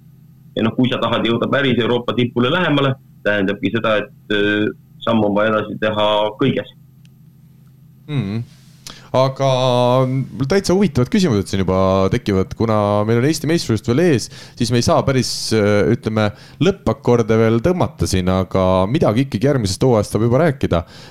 me jõuame siin ka saate teises pooles meistrite liiga juurde ja selle juurde, et meil vene klubid on siis eemaldatud nendelt turniiridelt, aga kas täna vaadates olukorda meistrite liiga põhiturniiril Tartu Bigbank, juhul kui meil Vene klubisid järgmine aasta meistriliigas kaasa ei löö, minu jaoks enam ei ole mingisugune utoopiline plaan, eriti juhul, kui Tartu meeskond plaanib äh, enam-vähem sarnase tasemega koosseisu panna püsti ka järgmiseks hooajaks. Alar, kas sa oled nõus minuga? ma arvan, et praegu ei ole üldse mitte hea ega õige aeg äh, tulevikuplaane paika panna. esiteks, äh, mis hakkab toimuma majanduses sellest tulenevalt, milline eelarve on võimalik eh, Bigfoot Tartul järgmine aasta kokku saada. teiseks, mida hakkavad tegema eh, mängijad, kas ja millistes liigades hakkavad tulema liikumised, kuni lõpuks selleni välja, mis süsteemi hakkab CEF tegema, need on nii keerulised ajad, et eh, ma arvan, et täna arutada ja, ja midagi tõsist mõtetesti paika panna sellest, sellest kohta, et mis sügisel hakkab saama, on veel natuke vara ometi kindlasti Tartul vähemalt mingisugused ideed järgmise aastaga seoses on tehtud, kas äh, mõne põhimängijaga on, on teil juba kokkulepe vist ka järgmiseks aastaks olemas tegelikult? Äh, on juba enne seda hooaega sõlmitud selliseid plusslepinguid, aga selge on see, et kõik nad tuleb üle rääkida. ja, ja seda ei ole mõtet teha äh, mingisuguste play-off'ide ajal. see aeg on ikkagi selline, kus me keskendume võrkpallile ja läbirääkimisteks tuleb leida oma aeg. aga peatreeneriga on juba Alari Jõesaar, Hendrik Rikand maha istunud, on esimesed sellised äh, läbirääkimised nagu Kreisi raadio sketšist äh, tuttavad, võib-olla isegi ingliskeelsed What you, kas need on ära tehtud? me tegime selle What you ja Fifty me ja Sixty you ja see osa on tehtud aga, aga jah, ei ole veel järgmiseks hooajaks, selge on see, et klubi jätkab. selge on see, et meeskond äh, plaanitakse teha konkurentsivõimeline aga, aga selliseid põhjalikke kokkuleppeid veel järgmiseks hooajaks ei ole selge, no tuleme natukene selle finaalturniiri juurde tagasi. keda Tartu poolel tahaks kiita, no kogu võistkonda tõesti siin ei, ei saa öelda, et, et keegi oleks eriti halvasti esinenud. võib-olla Rait Rikberg natukene finaalis äh, üllatas mind negatiivse poole pealt, kui me vaatame tema servi vastuvõttu ka numbriliselt kolmkümmend kuus protsenti. neli viga servi vastuvõtul, kogu võistkond üldse tegi servi vastuvõtul kuus viga, nendest siis neli liberale. kas äh, Alar on ka mingi põhjus, kas Raidol ikkagi annavad seal erinevad kehaosad äh, liiga palju tunda või, või sina ei näinud, et äh, tema väga halba esitust oleks finaalturniiril teinud? no kui sa vaatad, kuhu serviti, siis äh, selge on see, et TalTech pani lihtsalt turmtule peale servijoone taga ja Rait sai kaks kolmandikku neist pallidest vastu võtta. ehk siis tema pihta lihtsalt läksid riskeerivad servid. selge oli see, et nii poolfinaalis kui finaalis meie vastu tullakse riskeerima kui sa teistpidi võtad, et me võitsime mängud kolm-null, kolm-null, ei saa ette heita, aga mul ei ole ka mingit põhjust varjata, kuna Raidul oli koroonapaus, pärast seda, kui ta karantiinist välja sai, pidi üsna kohe hakkama treenima ja ka võistlusmänge mängima, siis eh, finaalturniiri ajal oli selg see, mis talle päris kõvasti valu tegi. ja tänu sellele oli loomulik, et ta ei olegi parimas hoos ja nüüd noh, kui ülejäänud mehed juba eile treeningutega alustasid, siis tema saab tema saab nüüd natukene tegeleda tervise parandamise, puhkamise ja sellise mõõdukama treeninguga selge, loodame, et Raidul ka tervisega kõik ikkagi hästi ja saab Eesti meistrivõistlustel need mängud lõpuni mängida. no nurgaründajate duost on palju räägitud, see duo on nii kõva, et siin Taavet Lepikut meil ei ole põhjust isegi isegi ära mainida sisuliselt. Äh, Martti Juhkam ja Albert Turt oma töö tegid suurepäraselt ära. mõlemad siis äh, olid oma meeskonna parimad seal äh, finaalis punktide kogumiselt. Juhkami, Hurt mõlemad oskavad rünnata hästi, oskavad äh, vastaseid blokeerida hästi, servivad hästi, aga vastuvõtul ei jäänud nüüd kumbki üleliia hätta. et Alar, sul on ikkagi kasutuses siin sel aastal nurgaründajatena kaks Euroopa tasemel mängumeest loomulikult ja mitte midagi pole ette heita, et Taavet Lepik korraks käis siin-seal vahetusest servimas, aga polnud põhjust ja vajadust. et Juhkemi puhul, kui sa nüüd vaatad ausalt mängunumbritele ja mängupildile otsa, siis poolfinaalis ta ei olnud väga serav, pigem oli hädas ja seevastu Hurt oli mõlemas mängus äh, hea, aga finaaliks suutis ka Marti panna hoopis teise käigu sisse ja olla ka seal hea. samas, kui sa nüüd ütled, et nad said vastuvõtuga väga hästi hakkama. ei, ma ütlesin, et ei jäänud liiga palju hätta. Albert Hurt võttis hästi vastu näiteks finaalis ühe palli mm. -hmm. aga noh, ta sai ainult viis korda vastu võtta see on lihtsalt see, see eripära, et äh, vastane tuli sellise servisurvega ja noh, need vastuvõtud arvud nii finaalis kui poolfinaalis ei ükski nurgaründaja jõudnud isegi kümne vastuvõtuni meil. Ja noh, näiteks ongi Tartu puhul hakkabki kohe see silma, et kui teised meeskonnad peavad nende vastu ettevalmistust tegema, siis äh, sa peadki üksi pulgi käima tegelikult kõik mängijad läbi, sest nendel on lihtsalt see ampluaa nii lai ja sa pead jälgima mõlemat nurgaründajat, mõlemad toovad palju punkte. Nende diagonaalründaja toob, kui sa temale meelissuunad lahti jätad, toob palju punkte. Nende temporünded on nii, nii kõrgel, et noh, sa võid need suunad ära arvata, aga kui ta sealt üle lööb, et siis selle suuna arvamisest ei ole palju tolku. ja samamoodi ka libero, kes teeb oma töö ilusti ära ja sidemängija, kes leiab täpselt õigel ajal need õiged, õiged mehed, kes on just kuumad, eks aga kui sa vaatad nüüd teisi Eesti meeskondi, siis noh, ma julgen, võtan meie enda meeskonna, et ma julgen väita, et et tegelikult piisaks juba meie noh, Tartu näol siis meie võitmisest sellest, kui ta, kui nad suudavad siis Smiidli ja mind ära neutraliseerida, et me oma mängu käima ei saa, siis eh, meil ongi juba väga raske. samamoodi, kui me võtame Pärnu mängu, et siis eh, on eh, nurgaründaja Suhhov ja Uuskari ja ütleme siis Vaants on ju juures et kui nende meestega hakkama saada, siis üldjoontes peaks see mäng nagu kukkuma siis vastaste poolele, eks. ja ja noh, võib-olla nüüd see Amberi meeskond on siis selline, kes on nagu ühtlaselt eh, Nad ei ole võib-olla kõige paremad, aga nende sats on nagu üsna ühtlane jälle selline noh, Tartu sarnane, lihtsalt et Tartu mehed on oma kvaliteedi poolest äh, lihtsalt kõvemad. et, äh, et miks, miks saavad Tartu mehed nii palju võib-olla hullata, ongi see, et vastasmeeskonnad peavad jälgima kõiki mängijaid võrdselt. kui Tartu saab keskenduda näiteks kahele mängijale ja siis äh, noh, ongi vastastel palju raskem, eks ja julgen ka öelda. ma arvan, et see oli päris täpne analüüs praegu ja nii see seis ongi. Ja sellepärast ma vastasin ka Karli eelmisele küsimusele, et kus me nagu tipust, päris tipust maha jääme, siis noh, jäämegi igal pool natuke, sest meie tugevus on meie ühtsus. et tahtsin korra veel öelda, et äh, nii-öelda kolmas nurgamees Taavet Lepik, et arvan, et igas teises Eesti Eesti klubis oleks äh, Taavet kindel põhimees, et äh, Tartul on nii-öelda sihuke hea privileeg, et eh, kolm väga-väga heal tasemel nurgaründajat. kui sa mõtled TalTechi eelmise hooaja koosseisu peale, siis TalTechi eelmise hooaja kõige parem eh, vastuvõttev nurk on Bigbank Tartu neljas nurgaründaja. jah kas äh,, Alar, ma küsin karmi küsimuse, kas ei võetud äkki isegi Eesti võrkpalli mõistes äh, mitte liiga palju äh, mehi tänavuseks hooajaks Tartusse, et Viidalep võiks olla kuskil põhimees ja no Lepikust praegu tunneb Pärnu ikka kõvasti või noh, sel hooajal on tundnud kõvasti puudust. Ja, aga see ongi see, millest ma räägin, et, et me oleks head ja et me areneks meeskonnana edasi, on vaja treeningutel kvaliteeti.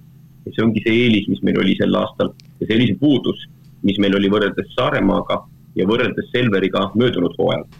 meil oli korralik põhikuuik ja sisuliselt üks mees vahetusest võtta.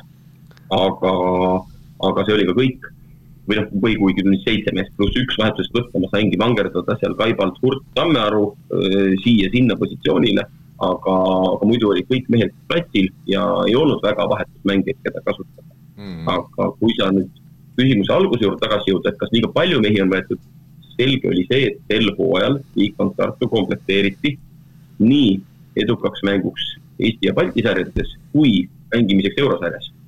ja seal sa ei saa kaheksa mehega, sest eh, meie jaoks, kui TalTech tundis nüüd seda eh, jaanuarikuus, mis on eh, karm mängugraafik, siis meie tundsime sedasama karmi oktoobris-novembris, kus oli ikkagi kaks-kolm mängu nädalas ja kui vahetusmängijaid pole, siis midagi pole teha, siis läheb põhimehed katki tahtsin veel lisada, et äh, paljud võrkpallikuulajad kindlasti alahindavad veidikene seda trenni kvaliteedi juttu, et äh, et julgen väita, et see trenni kvaliteet et äh, on väga-väga tähtis asi, et äh, eelmine hooaeg siin Saaremaal mängides, et meil oli samamoodi neliteist äh, korraliku tasemega mängijat ja trenni kvaliteet püsis nagu terve trenni vältel nagu kõrge. et nii nagu Äll ka räägib, et trenni kvaliteet on väga-väga tähtis, et usun, et siin Eest- või noh, üldse Balti liigas teised klubid ei saa sellist äh, sellist asja endale lubada, et ikka kas on kaksteist meest treeningul või üksteist meest treeningul ja nendest üheteistkümnest ütleme, kaheksa on sellise korraliku kvaliteediga meest ja siis need kolm tükki ei ole nagu nii, nii piisava kvaliteediga, et seal lihtsad pallid näiteks minema ei su-, läheks, on ju, et see trenni kvaliteedi jutt on nagu väga-väga tähtis minu jaoks, ma arvan, et kõigi jaoks siin saates. ja ma seal. et veel edasi sellest eh, sinu mõttekäigust on see, et ma nüüd ei tea, kas sellele väljaütlemisele tuleb ka panna Aavo keele, Aavo keele koefitsient juurde. aga Aavo ütles, et veebruarikuus tegi Pärnu selle hooaja esimese kuus-kuue vastu trenni.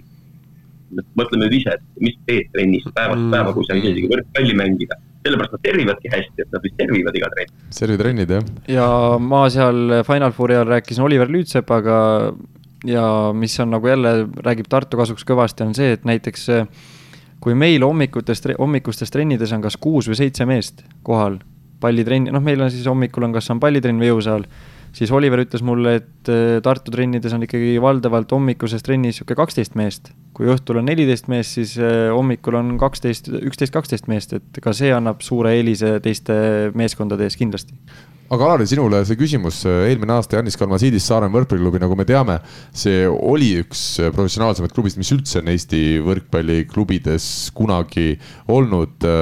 pean siis silmas nii peatreenerit kui ka võistkonna ülesehitust kui ka mängijate taset. kas see, ütleme, vahe tänavuse aasta ja TalTechiga ongi tõesti meeletu olnud või sa näed siin ka mingeid sarnasusi?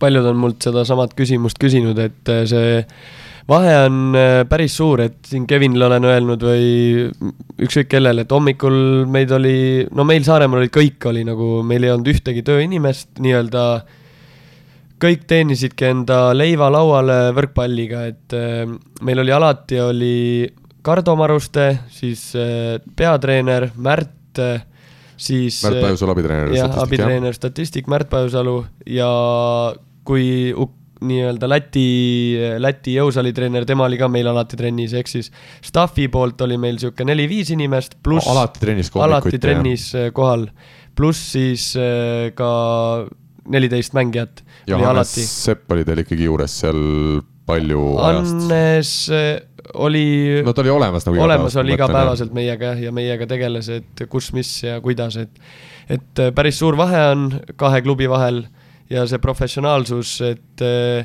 et ma arvan, et klubiga nagu kindlasti samm tagasi on ju, et et arenemise mõttes Saaremaal oli nagu palju parem areneda, et said kogu aeg tugeval tasemel trenne, et nüüd ongi TalTechiga hommikuti, nagu Kevin ütles, viis kuni seitse mängijat on hommikuti, et saadki, okei okay,, saad palju puuteid, aga sellist äh, nii-öelda üldmängu või sellist äh, mängu, kus tahad ka natuke kuus meest ühele poole panna, sellist nagu lihvida hommikuti ei saa, et, et.... kes teil hommikuti käivad trennis, teie mõlemad? Meius, Schmiedel, äh, Sten Berillus. no mitte iga hommik. mitte iga hommik, Eerma mitte iga hommik ja no ühesõnaga ülejäänud, ega neli meest siis käivad ja ülejäänud on sedasi, et kui, kui parasjagu graafik lubab. ja kes kindlalt ei saa, on äh, Marti Keel, äh, Rauno Tamme. Tanila. Tanila. on meil. no ei no ikka no,, ikka on veel, et viis kuni seitse meest aga kas äh, õhtuti on ka seda, et needsamad mehed, kes käivad siis ainult õhtuti trennis reeglina, et nad tulevad ka õhtusse trenni ja ütlevad, et pagan, et täna ma olen väsinud, mul oli tööl nii pikk päev või, või nii keeruline päev, et, et ma ei jõua lihtsalt täna väga pingutada? ei, pigem sellist asja ei ole, aga, aga noh, muidugi jälle on see, et peale õhtust trenni nad lähevad alatihti jõusaali ja teevad seal need kaks-kolm või neli harjutust ära või siis enne trenni, et äh, ka ma leian seda, et professionaalses meeskonnas äh, noh, jõusaal on tähtsal kohal ja kui seda teha poolikult ja eriti, kui sa oled ka juba vanem mees, siis see jätab sulle kehale jälje ja, ja selle võrra jälle kogu nagu kvaliteet kannatab aga tuleme nüüd siis veel finaalturniiri paremate mängijate juurde. parimaks sidemängijaks valiti Dmitri Šlomin Karkstaja võistkonnast, nurgaründajad Albert Hurt Tartust ja Kevin Saar TalTechis. palju õnne, Kevin! Aitäh! kuidas maitses, mis sa said sealt, äh, said mingi autasu? tahtsin käekella saada, aga ei saanud aga vanasti oli vist, äh, kas sümboolses koosseisus sai käekella? jah, vanasti oli nii, et käekell oli kõigile võitjatele ja kõigile sümboolsesse koosseisu kuulunutele. ehk siis äh, need seitse tükki said ühe kella ära kinkida või kellelegi anda. Mm. aga sel aastal, ei oskagi põhjust öelda, aga sel aastal said käekella ainult võitjad. nii et sul on Alar uus käekell praegu peal? Mul ei ole praegu kella, mul on käekell praegu laua peal minu kõrval, aga see on käekell, mis kingiti mulle sünnipäevaks. punase rihmaga, jah? see on meil karbis. karbis veel? nii et head kuulajad, kellel siis on äh, käekell puudu praegu, Alar Rikberg äh, ootab kõnesid, ootab pakkumisi, mis see alghind võiks olla, Alar? mul ei ole aimugi, palju see kell väärt on, sellise nahkrihmaga postkili tumedam, ma vaatasin, milline ta välja näeb, aga mul ole kõige õrnemat käigu, mis see võiks maksta. Kevin teab siukseid moeasju minu arust paremini, kas sa oskad umbmääraselt öelda? on see ma miljon? ei, ma arvan, et see on umbes kuskil kahe-kolmese euro kanti. aa, nii palju ikkagi, jah? jah, sa pakkusid just miljoni tuhat ja ma ütlen kaks-kolmsada, siis ütled nii palju. ei no miljon, ma, ma päris, kui päris ausalt öelda, ma ei arvanud, et, et kõik kellad miljoneid okay. väärt aga läheme edasi. Ehm, diagonaalründajatest siis valiti Valentin Kordas Tartust, temporündajatest Tom Schwanz Pärnust ja Mihkel Tallinna TalTechist ja libero Silver Maar Pärnust. Ja turniiri siis väärtuslikem mängija üleüldiselt Gert Toobal, no Gerdi juurde me peame eraldi ka tulema, selles suhtes ikkagi, et mees tuleb äh, kaks kuud tagasi siis vigastuspausilt tagasi, jaanuaris valitakse ta Grade kakskümmend neli Balti liiga parimaks mängijaks mängib finaalturniiri, meeskond võidab mõlemad mängud kolm-null ja valitakse ka kogu turniiri siis väärtuslikumaks mängijaks. Ehm, esmalt, Alar, me peame ikkagi üle kordama neid asju, kui hea Gert jätkuvalt on, ole hea, ütle sina paar sõna tema hetke rolli ja hetke olukorra kohta. no kaptenina ja väljakul olles eh, teeb ta väga suure sellise, annab ta suure mõju üldse sellesse, et milline võistkond välja näeb, kuidas võistkond käitub. ja selliseid Äh, mängijaid ei saagi äh, üle hinnata. Nad ongi niivõrd olulised, aga mitte midagi pole teha, neid võib-olla korra paarikümne aasta jooksul Eesti võrkpalli sünnibki.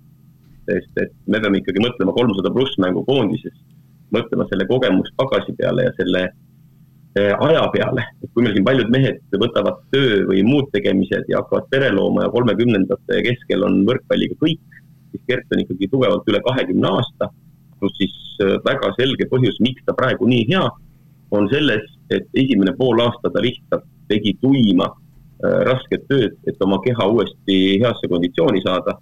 Ja noh, see võimaldabki nii kõrgel tasemel mängida kas ähm, neljakümne kahe aastased sidemängijad me ju näeme noh, tegelikult äh, Euroopa võrkpallis ka päris, päris palju.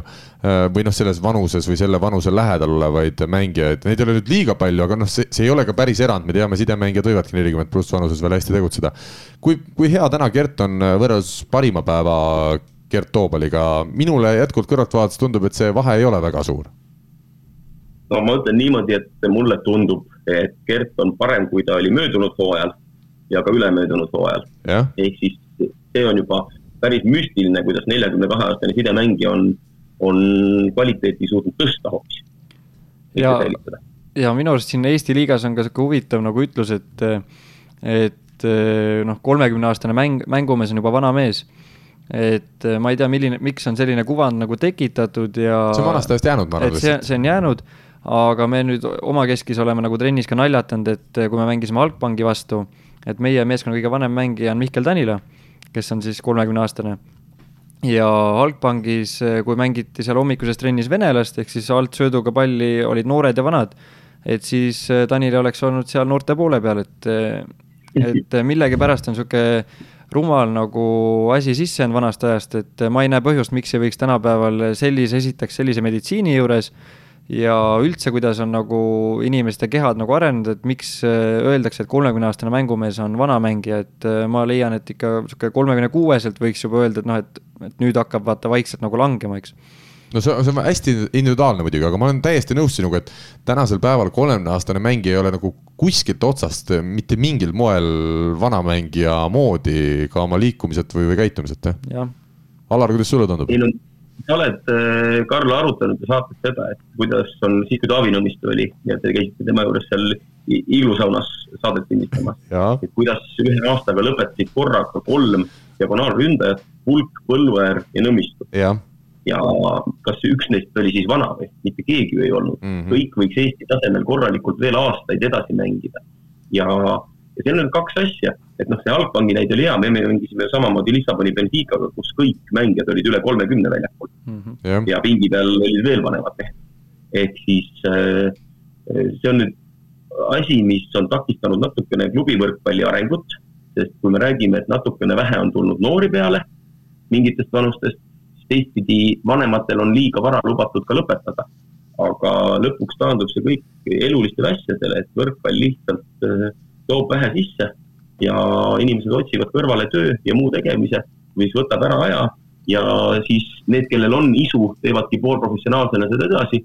Ja kellel seda isu nii palju ei ole, keskenduvad muule elule ja võrkpall jääbki harrastuseks just, et tegelikult kui noh, Nõmmistu oli veel täie tervise juures suures plaanis, eks väikest vigastusi kõigil, aga ütleme, Põlluäär, Pulk, nendel olid ka selged vigastused, mis olid neid nüüd seganud. samas ma olen just selle vaatenurga alt mm, Alariga veel eriti nõus, et, et kui neil ei oleks täna Eesti ühiskonnas selliseid häid alternatiive, kus nad kohe tavatöösse läheks ja korralikult palka teeniks, siis nad ilmselt üritaks ravida neid vigastusi ja mängiksid edasi, et aga täna neil ei ole sellist sundi enam, et kui ikkagi nautida seda mängimist enam ei saa väga palju, siis ainult raha pärast seda ei taheta ka teha, et, et seal on jah, selge seos olemas selle ühiskondliku poolega, mida me tõesti oleme siin saates ka rääkinud, aga, aga Alar, kas läbirääkimistel Eesti mängijatega tuleb ka nagu seda ette, et öeldaksegi, et kuule, et mul ei ole selle raha eest enam huvi tulla, et see, mis vanasti äh, ma küsisin äh,, et, et enam ma täna sellise palgaga ei, ei tahakski mängida, kuna on nii palju paremaid variante juba?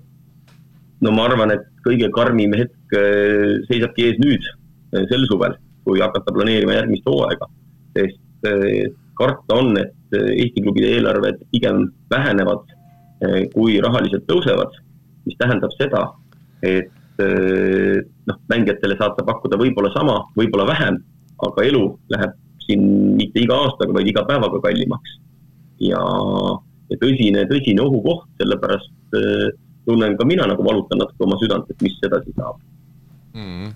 see on jah, et küte ja kõik asjad iga päev lähevad ainult kall-, ainult kallimaks ja tegelikult äh, siin palgad on ka ju nii-öelda tõusnud, ütleme muus valdkonnas, et äh, et ma ei tea, kunagi, kui ma läksin äkki TalTechi, tegin esimese hooaja nii-öelda TTÜ-s, siis sain äkki kakssada eurot äh, nii-öelda raha, on ju.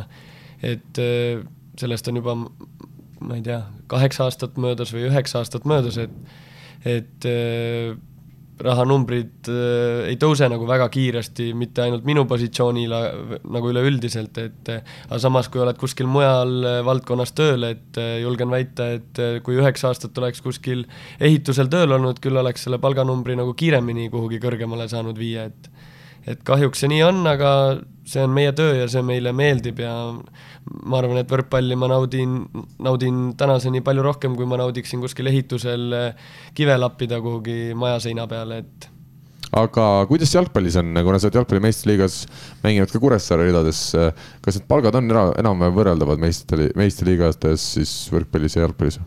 Äh, ütleme nii, et tipp kui sa võrdled tippklubisi, ehk siis nagu Tartut näiteks võrdled Floraga ja siis ei ole, ei ole väga võrreldavad, ma eeldan, et eh, jalgpallis on seda natuke rohkem, aga samas eh, meistriliiga punt, FC Kuressaare meil eh, nüüd viimased kaks hooaega, kui ma ei valeta, on alles palgalised mängijad nagu võistkonnas, aga meistriliigas on mänginud juba, ma arvan, pea kümmekond aastat, et et see on nagu vahe. Ja seal on siis ikkagi, no ütleme, küll on lühikest aega olnud need palgalised mängijad, aga seal vähemalt liigub see, ütleme sinna suunda, et need palgad kerkivad. ja on rohkem mängijaid meistrides, kes saavad palka, et praegu tundub võrkpallis on pigem vastupidi. jah, et jalgpallis on stipendiaadid on nagu iga klubi saab endale stipendiaadid, kolm tükki, kui ma ei eksi jälle, et eh, kolm stipendiaati ja äkki see oli neli, esimene aasta kõik need stipendiaadid saavad nelisada eurot, teine aasta viissada eurot, kolmas aasta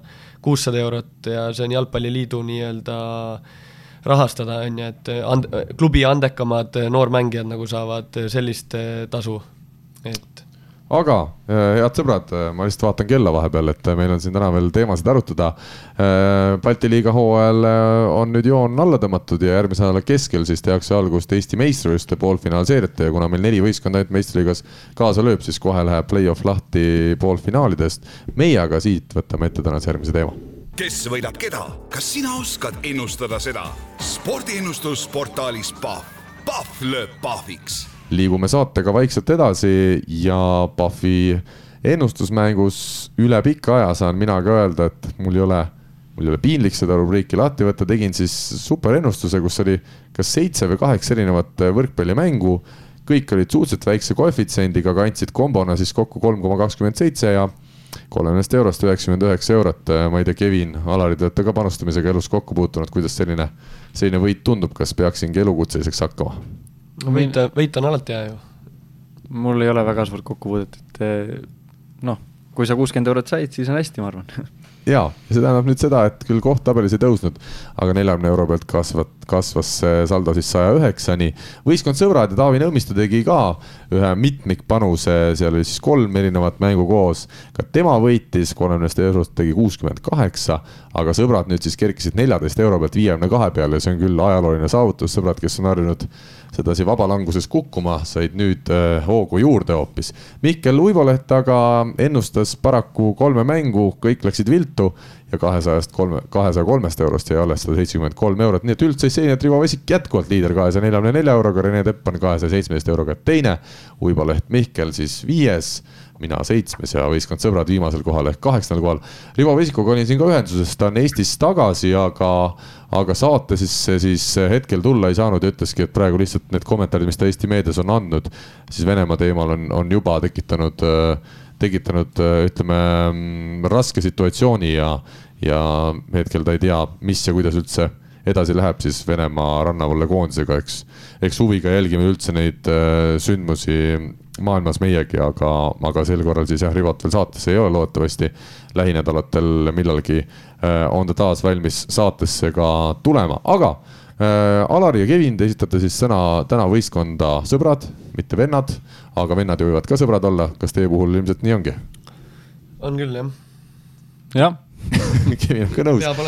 kolmkümmend eurot on meil teil kahe peale siis välja pandud äh, Pahvis seda mänguraha, kas me leiame siit midagi põnevat, mis te kohe ütlete, et mis kindlasti läheb täppi, sest võistkonnasõbrad on vaja selgelt äh, sellist head toetussummat mm,? Ma arvan, et äh, Belhatov võidab äh, homme siis äh,, täna on see mäng või? ja, no paneme sellega, me lindistame tänast saadet okay. siis kolmapäeva õhtupoolikul, aga see mäng ongi kolmapäeva õhtul kell üheksa vist peaks olema. et Belhatov võidab täna Tursi. esimene mäng äh, Belhatovile kolm-kaks kodus, nüüd on võõrsil mäng. ja võidavad. selge, koefitsient? üks koma seitsekümmend seitse. nii, ja sinna läheb siis mitu? Ei, ma teen mitmikpanuse nagu sina. selge, väga hea, no näed, õpid meistritelt. Valepa võidab äh, Loimu vastu esimese seti ei, ei siin läheb juba. koefitsient üks koma kakskümmend viis. näha on, et härra esimest korda ei panusta, nii. Tiikerit võidab Vanta Taksi äh, koefitsient üks koma kakskümmend kaks. ja Savo Volley võidab esimese seti Etta Volley vastu Soome liigast üks koma kakskümmend kaheksa ja kokku teeb see kolm koma nelikümmend kuus. kolm koma nelikümmend kuus ja sinna läheb siis kolmkümmend? mina läheks all in'i, ma pean venna käest ta, Nii, targema vanem, venna käest küsima. mida vanem vend ütleb? ei no ma paneks selle viiskümmend neli kõik mängu, kui saaks, aga aga lähme selle kolmekümnega siis. lepime kolmekümnega praegu, selge. Alar, sõna sulle, sina vaatame, kus sa tabelis oled, ei ole sul väga hästi läinud, ei ole ka väga halvasti läinud, sa oled neljandal kohal saja üheksakümne euroga, milline on täna sinu äh, selline otsus? Mis summa pealt me üldse alustasime seda mängu? kahesaja pealt, nii et sa oled hetkel miinus kümne peal. oi jumal, siis mul on ikka väga hästi läinud. ma olen ikka päris pihta panustanud. no nimetame seda nii, sa oled optimist. nii, eh, kuna ma lubasin, et ma enam Ratsa vastu ei panusta, siis kümme eurot panen nüüd tema poolt, ehk siis Tava Volle võidab Ettat üks koma neliteist. selge. ja ülejäänud kakskümmend eurot paneme siis Robbie peale, ehk siis Belhatov võidab Tursi. me võime selle siin. on üks koma seitsekümmend seitse, et eh, kui ma saate alguses Pahvi lehe lahti tegin, oli see koefitsient väiksem, et tundub, et te juba olete seal vist panustama hakanud ja koefitsiendid on muutunud no nüüd läks, nüüd läks suuremaks jah nii, aga, aga sel juhul me saame siin lühidalt rääkida ka, Belhatovi esimene mäng siis tõi kolm-kaks võidu tõesti Toursi üle ja me oleme rääkinud ka seda, et Tours on Prantsusmaal olnud tänavu ikkagi taas väga hea põhiturniiril. liidrina on seal minemas siis play-off'ile vastu. Robert Täht äh, vahetati küll seal otsustavas viiendas game'is välja mingitel hetkedel, aga kokkuvõttes Robilt taas väga hea esitus, valiti mängu parimaks. kui tähtis see, Alar, sinu kui Eesti koondise potentsiaalse abitreeneri jaoks on, et, et Robbie on saanud nüüd ütleme pikemas plaanis ka ikkagi regulaarset mänguaega ja, ja tegutsenud korralikult? see on kogu Eesti võrkpallikoondise jaoks väga hea, et ta on jälle omas vanas seaduses, et ta on platsil, kogub enesekindlust ja ma usun, et eh, sellest Eesti koondisele on äh, abi küll ja veel, see kõik, millest meil Euroopa meistrivõistluste finaalturniiril puudu jäi. kas sa oled temaga ka isiklikult suhelnud, tundub, et tervis praegu peab? tundub, et peab, ma viimane kuu või rohkem ei ole, et mingi aja tagant me ikka vahepeal kirjutame ja arutame võrkpalli ja maailma asju, aga, aga tundub, et olukord on parem, tal on olnud erinevaid hädasid, tulnud-läinud, aga noh, õnneks on selline võistkond, kus ta ei pea ka stabiilselt kogu aeg mängima, et eh, vangerdatakse, mis tähendab, et sa saad natukene, ühelt poolt tahad olla platsil, aga teiselt poolt saad ka selliseid vabu mänguõhtuid selge aga see teine mäng siis tõesti täna, mil me saadet lindistame, õhtul on toimumas ja Youtube'is peaks ka tasuta saama vaadata seda kordusmängu ja mängus on siis finaali koht, ei midagi vähemat ega rohkemat. Ja mis sa ütled, Alar, hetkel, mil, mil ütleme, see seis CEF Cupis on ju selles suhtes väga huvitav, et kaasani seniit, Venemaa klubi ei saa, ei saa seal siis enam edasi mängida, kuigi nemad olid peapretendendid esikohale? Nojah, kui uskuda nüüd CEF-i kodulehekülge, siis täna oli teise mängu tulemus tabelisse ära kirjutatud, ehk siis esimese mängu Monza vastu Kasani seniit võitis, teise mängu tulemuseks on kolm-null Monsale pandud ja Monza on juba kirjutatud finalistiks. mis tähendab, et Belhatovil tänase edu korral on võimalus võita ikkagi päris väärtuslik karikas, CEF-karikas. ja noh, nüüd jõuame selle, kogu selle maailmas toimuva jama teise pooleni, et Kasani seniit on sel hooajal teinud sellise meeskonna ja näidanud sellist võrkpalli, et mul on eh, nendest meestest ikka väga kahju. just inimlikul tasandil ja nemad ei ole seda. Mhm. jah. et nemad ei ole seda sõda alustanud, eks ole. jah, ja, ja, ja meeskond on nii super hea võrkpalli mõistes, aga noh, see tiitel, mida nad olid teeninud võrkpalliga ehk FCupi võit, see rändab siis mujale aga kuidas see olukord on, me loeme siin korvpallist iga päev uudiseid, kuidas mehed lahkuvad äh, Venemaa tippklubidest. võrkpallis ei ole nagu väga kuulda midagi olnud, äh, ma tean äh, kaas- või vabandust, Peterburi seniidi peatreener Toomas Sammelvoo on klubist lahkunud ja no ma arvan, ülisuure tõenäosusega ta ka peab Venemaa koondisega hüvasti jätma, aga, aga kas mängijatest on ka juba teada välismaalastest kedagi, kes on ära läinud? minul veel infot ei ole, aga eile proovisin esimest korda, täna just hetk tagasi proovisin teist korda tundub, et häkkerid on ka Venemaa võrkpalli, võrkpalliliidu kodulehele ligi saanud ehk volley.ru ei avane. et näiteks tulemusi või infot vaadata lihtsalt ei saagi. jah, nii et äh, päris huvitav see olukord, aga veel kord siis äh, Robert Tähe Äh, ütleme, tiitli saatus võibki saada selgeks juba paljuski täna õhtul, kui peaks nüüd õnnestuma Toursi võita, kuigi jah, Monza siis ootaks ka veel finaali sees, see on selge, et Kaasani seniidi jaoks eurohooaeg on äh, lõppenud, aga mina siis oma panustega, kas ah,, Alar, kas sul oli veel midagi panustada? ei, sellepärast et Belhato peal läkki kakskümmend. Läks kakskümmend, selge selge. ja mina teen taas siis mitmikpanuse, väga kiiresti ütlen ära, Belhatov võidab Toursi, Savo võta, võidab Etat, Tigerit võidavad Vandad, Valepa võidab, võidab Loimut, Tenerife võtab, võidab siis naistest Obrenovatši, tegu siis ka eurosarja mänguga ja lõpetuseks võidab San Bernardo Cuneo võidab siis veel Rooma naiskonda, kolmkümmend eurot läheb sinna, head sõbrad neli koma seitsekümmend seitse koefitsient kokku ja sada nelikümmend kolm eurot tuleks tagasi. see on ahnus. see miks see ahnus on, miks see ahnus on, kõik on ju loomulik. see on ju võrkpalliteadmised, nagu Alar ütleb alati, kui asjas sees oled, siis on, siis ongi kõik lihtne. aga head sõbrad, liigume edasi järgmise teema juurde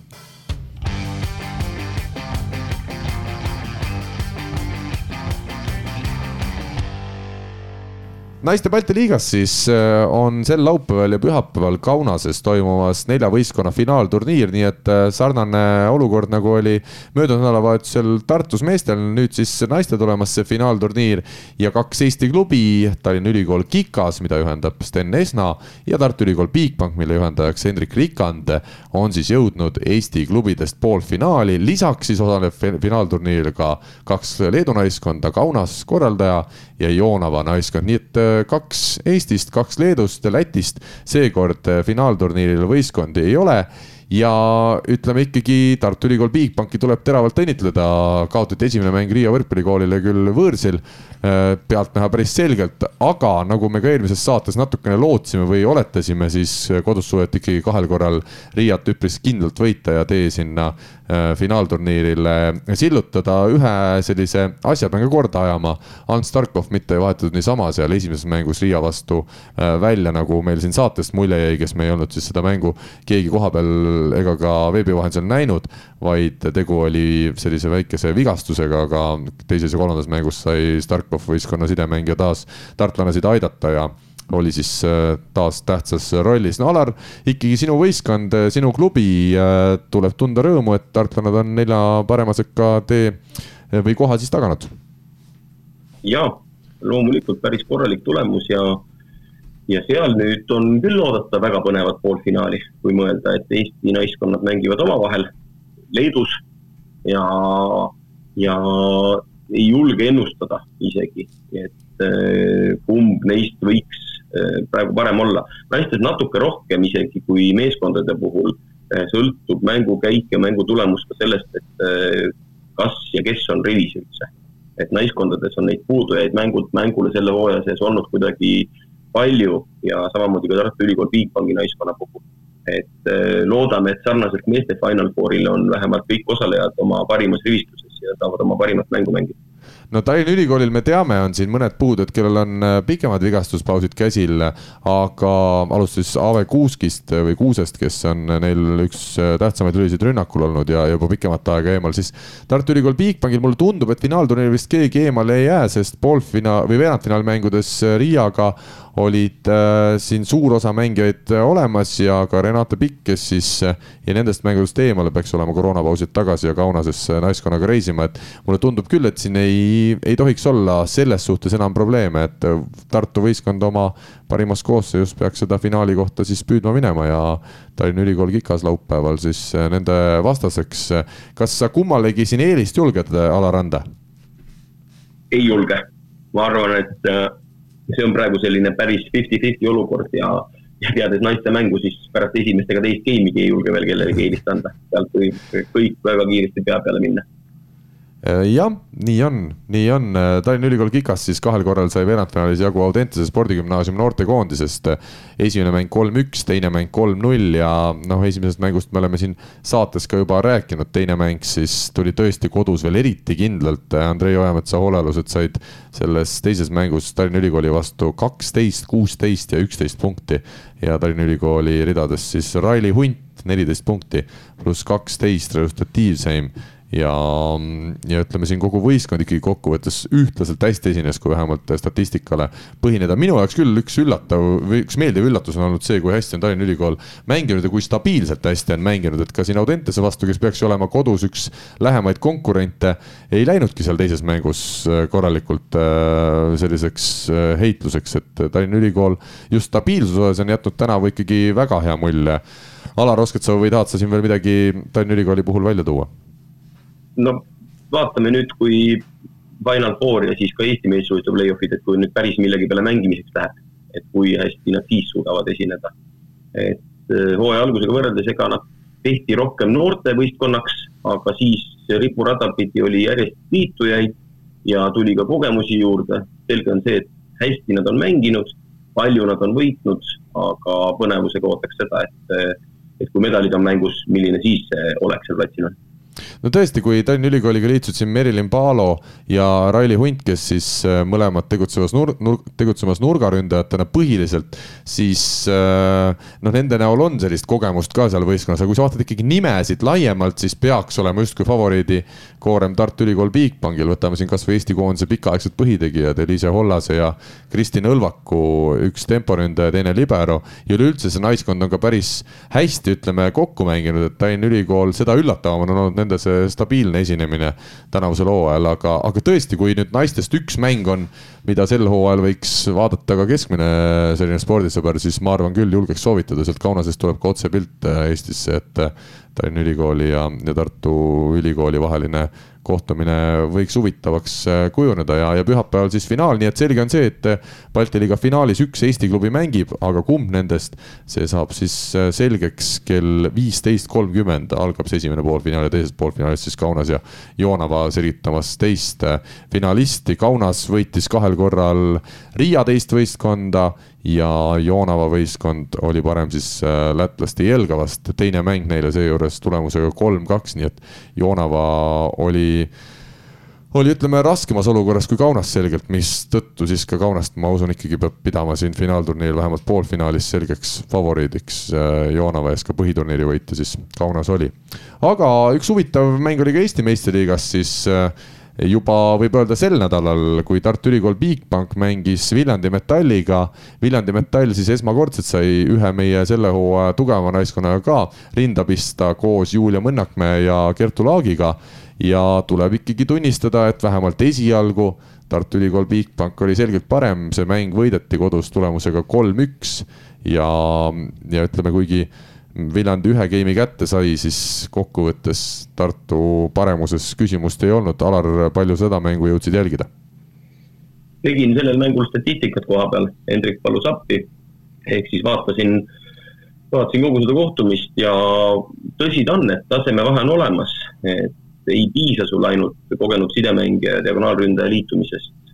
see game, mille Viljandi võitis, seal hakkas Viljandi naiskond väga agressiivselt ja edukalt servima. ja see oli üks põhjustest, teine oli see, et eh, Hendrik Rikand vahetas välja mõlemad nurgaründajad korraga. ja isegi, et sealt ei tekkinud nagu nende pealt kärinat, vaid, vaid kärises nagu kogu võistkond selle tulemusena ja siis tegi ta tagasivahetused ja neljandas game'is jälle kindlalt paremus maksma. üllatavalt hästi saadi hakkama ka Kertu Laagi pidurdamisega. Selge on see, et ei Julia Mõnnak ega Kertu Laag pole mingisuguses supervormis praegu. ja kui sa siin ka saadetes vahe, varem oled, Karl, mõelnud selle peale, et see Viljandi nende liitujatega hakkab nüüd Eestis tiitleid võitma ja, ja päris etteotsa tõusma, siis pigem ma ei julge seda ikkagi ennustada, et need naiskonnad, eelkõige siis Tallinna Ülikool Kikas ja Tartu Ülikool Bigbank, kes on päevast päeva trenni rasket tööd teinud terve hooaja, siis noh, ma ei julge kuidagi loota, et Viljandi hammas nende peale hakkaks ja ma pean hakkama tunnistama, et üha rohkem ka mulle endale nii tundub, aga, aga ütleme, mina ikkagi rääkisin Viljandist ka selle vaatenurga alt, et kui seal ka Kristel Moor oleks olemas, et täna, kui neil Moori ei ole ja tõesti mäng tugineb äh, väga palju just äh, Julial siis sidemängijana ja Kertul ründajana. noh, okei okay,, Merilin Salven ka siin kogenumatest mängijatest ju juures ja kõrval, aga ütleme, temaga see tase ei ole täna, ma ma arvan, nii eriline siin Eesti meistriliiga suhtes, et, et kui Moor oleks juures ma arvan, et seda varianti oleks rohkem, aga tõesti, ma pean küll ütlema, et see natuke sai ka seda mängu Tartuga vaadatud ja seal ei tekkinud veel küsimust. nüüd on ise, küsimus on see, et kui Kertu Laak äh, peaks siin aasta või mitte aasta, vaid kuu jooksul minema oluliselt paremasse vormi, mis ei ole ju, ma arvan, väga, väga, väga välistatud variant, siis siis mingites kohtumistes nad võiksid äh, lähemale saada küll nii Tartule kui ka Tallinna Ülikoolile, ma seda arvan jätkuvalt ja ma usun, pronksi eest peaks Viljandi igal juhul võitlema. olgu see siis Audentes või Võru, kellega, kellega seda pronksi oleks võimalik mängida või, või isegi Rae võistkond, siin ju tegelikult seda ühtlast taset on äh, omajagu, aga aga jah, äh, esmalt siis vaatame ära selle naiste Balti liiga finaalturniiri ja siis hakkab vaikselt juba pihta ka Eesti meistrivõistluste play-off põhiturniiril siis mõned üksikud mängud veel pidada, nimelt äh, kaks kohtumist Audentes ja Viljandi siis kahel korral veel omavahel vastamisi on ja siis saab ka see põhiturniir läbi. Kikas on juba põhiturniiri võidu kindlustanud, tartlased teised kolmandal kohal nüüd, kas lõpetab siis Võru või Audentese naiskond, Audentesel vaja kahest viimasest mängust kolme punkti. sel juhul õnnestuks Võrust mööda minna ja Viljandil veel mängus viies koht, Raest on võimalik mööda minna, hetkel ollakse kuuendal kohal, aga kui midagi lisada siin hetkel ei ole, siis äh, ma arvan, et liigume väga sujuvalt edasi ja liigume sujuvalt edasi sellele, mis välismaal toimub. Ja ikka tänavusel hooajal on meil olnud see Poola liiga ja Poola võrkpall äh, hästi palju ka ütleme suures pla-, suures pildis äh, Timo Tammemaa ja Rezovia meeskond siis Poola karikavõistlustel medalit ei saanud ja Šembiale jäädi alla seal poolfinaalis ja Timo Tammemaa jaoks on saanud nüüd selliseks omamoodi mustriks vähemalt mõnes kohtumises see, et ta alustab mänge, aga päris kiiresti võetakse vahetusse. Äh, kas sina, Alar, oskad siin ka mingisugust, äh, tead, oskad öelda oma endise koduklubi kaudu mingisugust põhjust, äh, miks Tammemaal need viimased nädalad enam väga edukad ei ole olnud? Mm, ei tea seda treenerit nii hästi, et hinnata, et enamasti ikkagi tema teeb otsused, aga jah sõltumata nagu sellest, et äh, kas tal on kehvemad või paremad numbrid, siis on ta pingil maandunud. aga teistpidi oli kohe teada, et äh, kui ta mängib sellises võistkonnas, kus ta peab platsil oleku eest võitlema, siis sloveenlase Jan Kosamernikuga ja, ja Poola, ütleme siis ikkagi väga kõrgetasemelise temporündaja Kohanovskiga, siis raske tal ka neid üle mängida on. Restovi oma olemuselt tundub, et on jätkanud sedasama Äh, võistkonna ülesehituse loogikat, et ei ole erilisi superstaare, aga on neliteist võrdset meest. ja sellisel tasemel see ideoloogia ei ole toiminud. et äh, ei leitagi lõpuks selliseid koosseise, sellist äh, minekut ja ka noh, ütleme nii, et see poolfinaali jõudmine oli ju veel Haatovi väljalülitamise teel juba väike üllatus ja pigem nad ikkagi ei taha uskuda, et lõpetaks Poolas võistluste esikolmikus aga räägime finaalist ka, kuna Georgi Kretsu juhendatav Saksa, nagu me siin saate varasemas osas rääkisime, on Poola liigat tõesti valitsenud seni. põhiturniiril ikkagi väga võimsalt on klubi liikunud ja ka karikavõistluste finaalis siis Jašembiast saadi jagu kolm-null ja võistkonna resultatiivsemad selles kullamängus olid siis äh, üheteist punktiga kaks meest, Lukas Kaczmarek ja Aleksander Slivka Kamil Semenjuk lisas veel kümme punkti omalt poolt, nii et tundub, vähemalt sedasi eemalt vaadates, et päris ühtlane võistkond on Gianil kokku saanud sel hooajal ja, ja mängib sama, sama hästi nagu eelmisel aastal Saksa mängis, kui, kui veel Gianni treeneriks ei olnud. jah, ja kui vaadata numbreid selles karikafinaalis, siis see mäng oli ühepoolsem kui näiteks äsja meil Kredit kakskümmend neli meistrite liiga finaalmäng. et kaks hetke Poola parimat meeskonda äh, finaalis vastamisi olid ja ühe nendest üleoleku oli siis ikkagi mäekõrgune. aga see eripära, kui nüüd rääkida meeskondade komplekteerimisest, siis Saksal ei ole eriti vahetusmängijaid. seal on üks kuik, nurgas on kogu aeg Šlihka ja Semenjuk, Kaczmarek on Diagos, Jaanus tõstab ja tempodega natukene ta on mänginud, et sealhulgas on Reino või Schmidt väljakul, aga, aga üldjoontes see on olnud nagu läbi aastate Saksa edu alus, et tehakse väga korralik seitse meest ja siis sellised äh, abistajad sinna kõrvale, kes on selgelt nagu teine ešelon meeskonnas. ja mulle tundub, et see valem on päris hästi töötanud ja mis oli siis huvitav, äh, kui me rääkisime siin meil finaalis oli viissada pealtvaatajat, siis lihtsalt võrdluseks Poolas kaks tuhat nelisada, mis tegelikult Poola mõistes ei ole ka mingi super eriline number, me oleme harjunud Poolas nägema ka oluliselt suurema publiku arvuga finaale.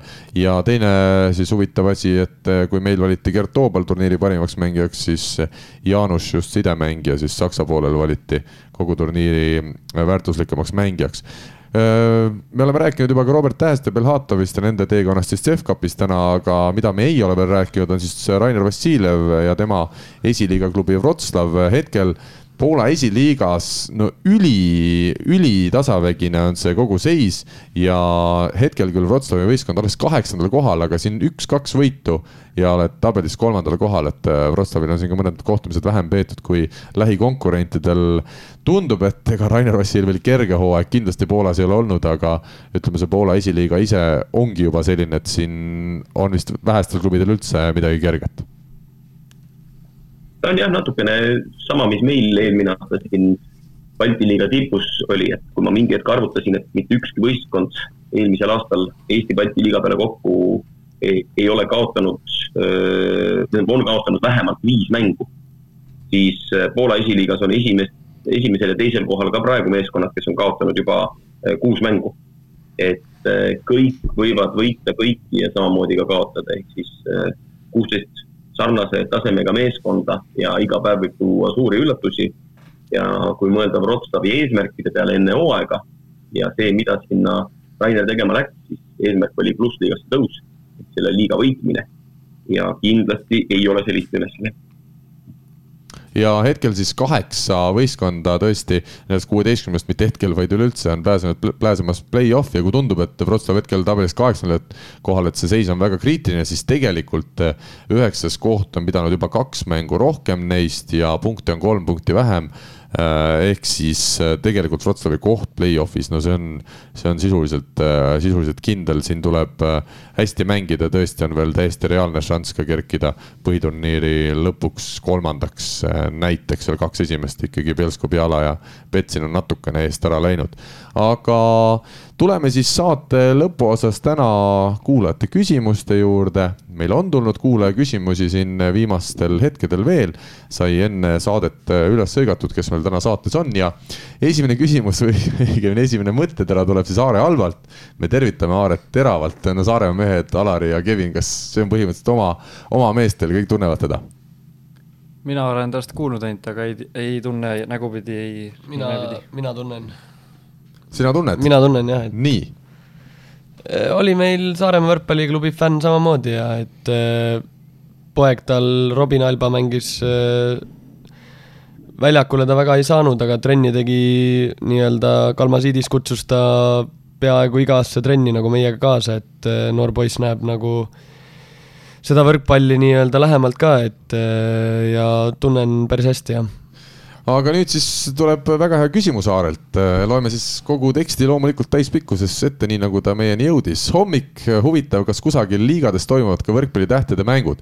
tegelikult me oleme seda teemat arutanud, tähtede mänge väga palju võrkpallis ei toimu, aga sellest hoolimata siis läheme edasi selle küsimusega. korvpallis neid tv vahendusel nähtud ja ettekujutus siis show-mängudest olemas, erinevates variantides pealtpanekud, ettearvamatud söödud ja muidugi kolmeste uhamine. jalgpallis saab ka ilusaid asju teha, aga võrkpallis küsimärk. vot ei jaga matsu, aga kui selline mäng peaks toimuma, siis kolm mänguelementi saaks minult kõva aplausi. ja siin need kolm mänguelementi on, esimene on siis selline, temporündaja teeb enne palli mahalöömist, no kui saab ikka plokist mööda õhus kolmsada kuuskümmend kraadi pöörde ehk siis tempo lendab üles, teeb kolmsada kuuskümmend kraadi ja siis lööb palli maha äh,. Alari, Kevin, te küll ei ole kumbki temporündajad, aga teate te mõnda temporündajat, kes sellise asjaga Eestis hakkama saaks? vaikus. vaikus jah. Alar, kas sul tuleb kohe kedagi ette, kes teeks kolmsada kuuskümmend kraadi ümber oma telje ja siis põrutaks palli veel tempost maha? väga keeruline lubada, ma arvan, et võib-olla selle spinni teeks ära, aga siis lööks pallist mööda Neil liigi tegemist, et palju pihta saada, jah? just. aga kas üldse mõni teine mängija siis võib-olla, kes on natukene öö, osavam kuskil diagonaalis, nurgas, noh, Kevin kindlasti ise. ei, ma arvan, meil meeskonnas Jan-Markus Üprus, et, et ta on jube, jube hästi paneb korvpalliga pealt aga, ja tema see kehavalitsus on õhus muljetavaldav, et ta on suutnud ka niimoodi, et hüppab, mängib meil siis tempot trennis hüppab plokki ja maandumise ajal juba laseb liblikaga pallile järgi, et. seda on ka mida... mängus nähtud. jah, et see on midagi, mida üldjuhul temporündajate puhul ei pane tähele. et keegi teine nii teeks, aga tema seda teeb ja siis äh, trennis meil on ka oma naljad tema kohta, et kui on näiteks äh, mingisugune kaitseharjutus ja öeldakse, et äh, just siin alles hiljaaegu oli trennis, et et Jan-Markus, et kus, kus sa praegu olema pead kaitses ja siis enne, kui ta ise vastata sai, siis me ütlesime, et aga äh, nii-öelda kipstaks me teda hüüame, et kipsta on igal pool kaitses. et tal ei ole vahet, kas ta on ühe peal, kuue peal, viie peal või enda ees, et tema on igal pool kaitses väljakul, et. hea mees jõuab igale poole. jaa, et ma arvan, et tema suudaks seda lüüa küll nii. Alar, kes teie võistkonnas võiks selle ära teha? siin on veel lisatud juurde, et see on nagu. kõige kauem õhus. Albert, jah? jaa Albert Hurt, selge ja siin on veel Aare lisanud, ma enne ei öelnud seda, nagu Vince Carter pealtpanekul, et samamoodi võiks siis kolmsada kuuskümmend kraadi tulla. päris efektne, aga see oleks tõesti lahe, tegelikult, kui hakkaks, hakkaks mehed proovima. ma arvan, et see saaks nalja esiteks väga palju ja teiseks, kui kellelgi välja tuleks, see oleks ikka tõesti selline, aga mis aplausi saab kätte, mitte ainult Aare Albalt. nii, aga võtame teise asja. vastuvõtt täpselt kolme äh, meetri joonel, sidemängija viskab end joonele pikali või selili ja ah,, või ikkagi viskab pikali ja selili olles teeb siis paipi rünnakule tõste ehk siis kuue peale tagaliini tõste. loomulikult ju ründaja üle sidemängija hüppama peab ja ilu huvides ka rünnaku resultatiivselt lõpetab no palju meil selliseid sidemängijaid on, kes viskab ennast kolme meetri joonele pikali, laseb sealt hea tõste kuue peale, kas tuleb kohe kedagi?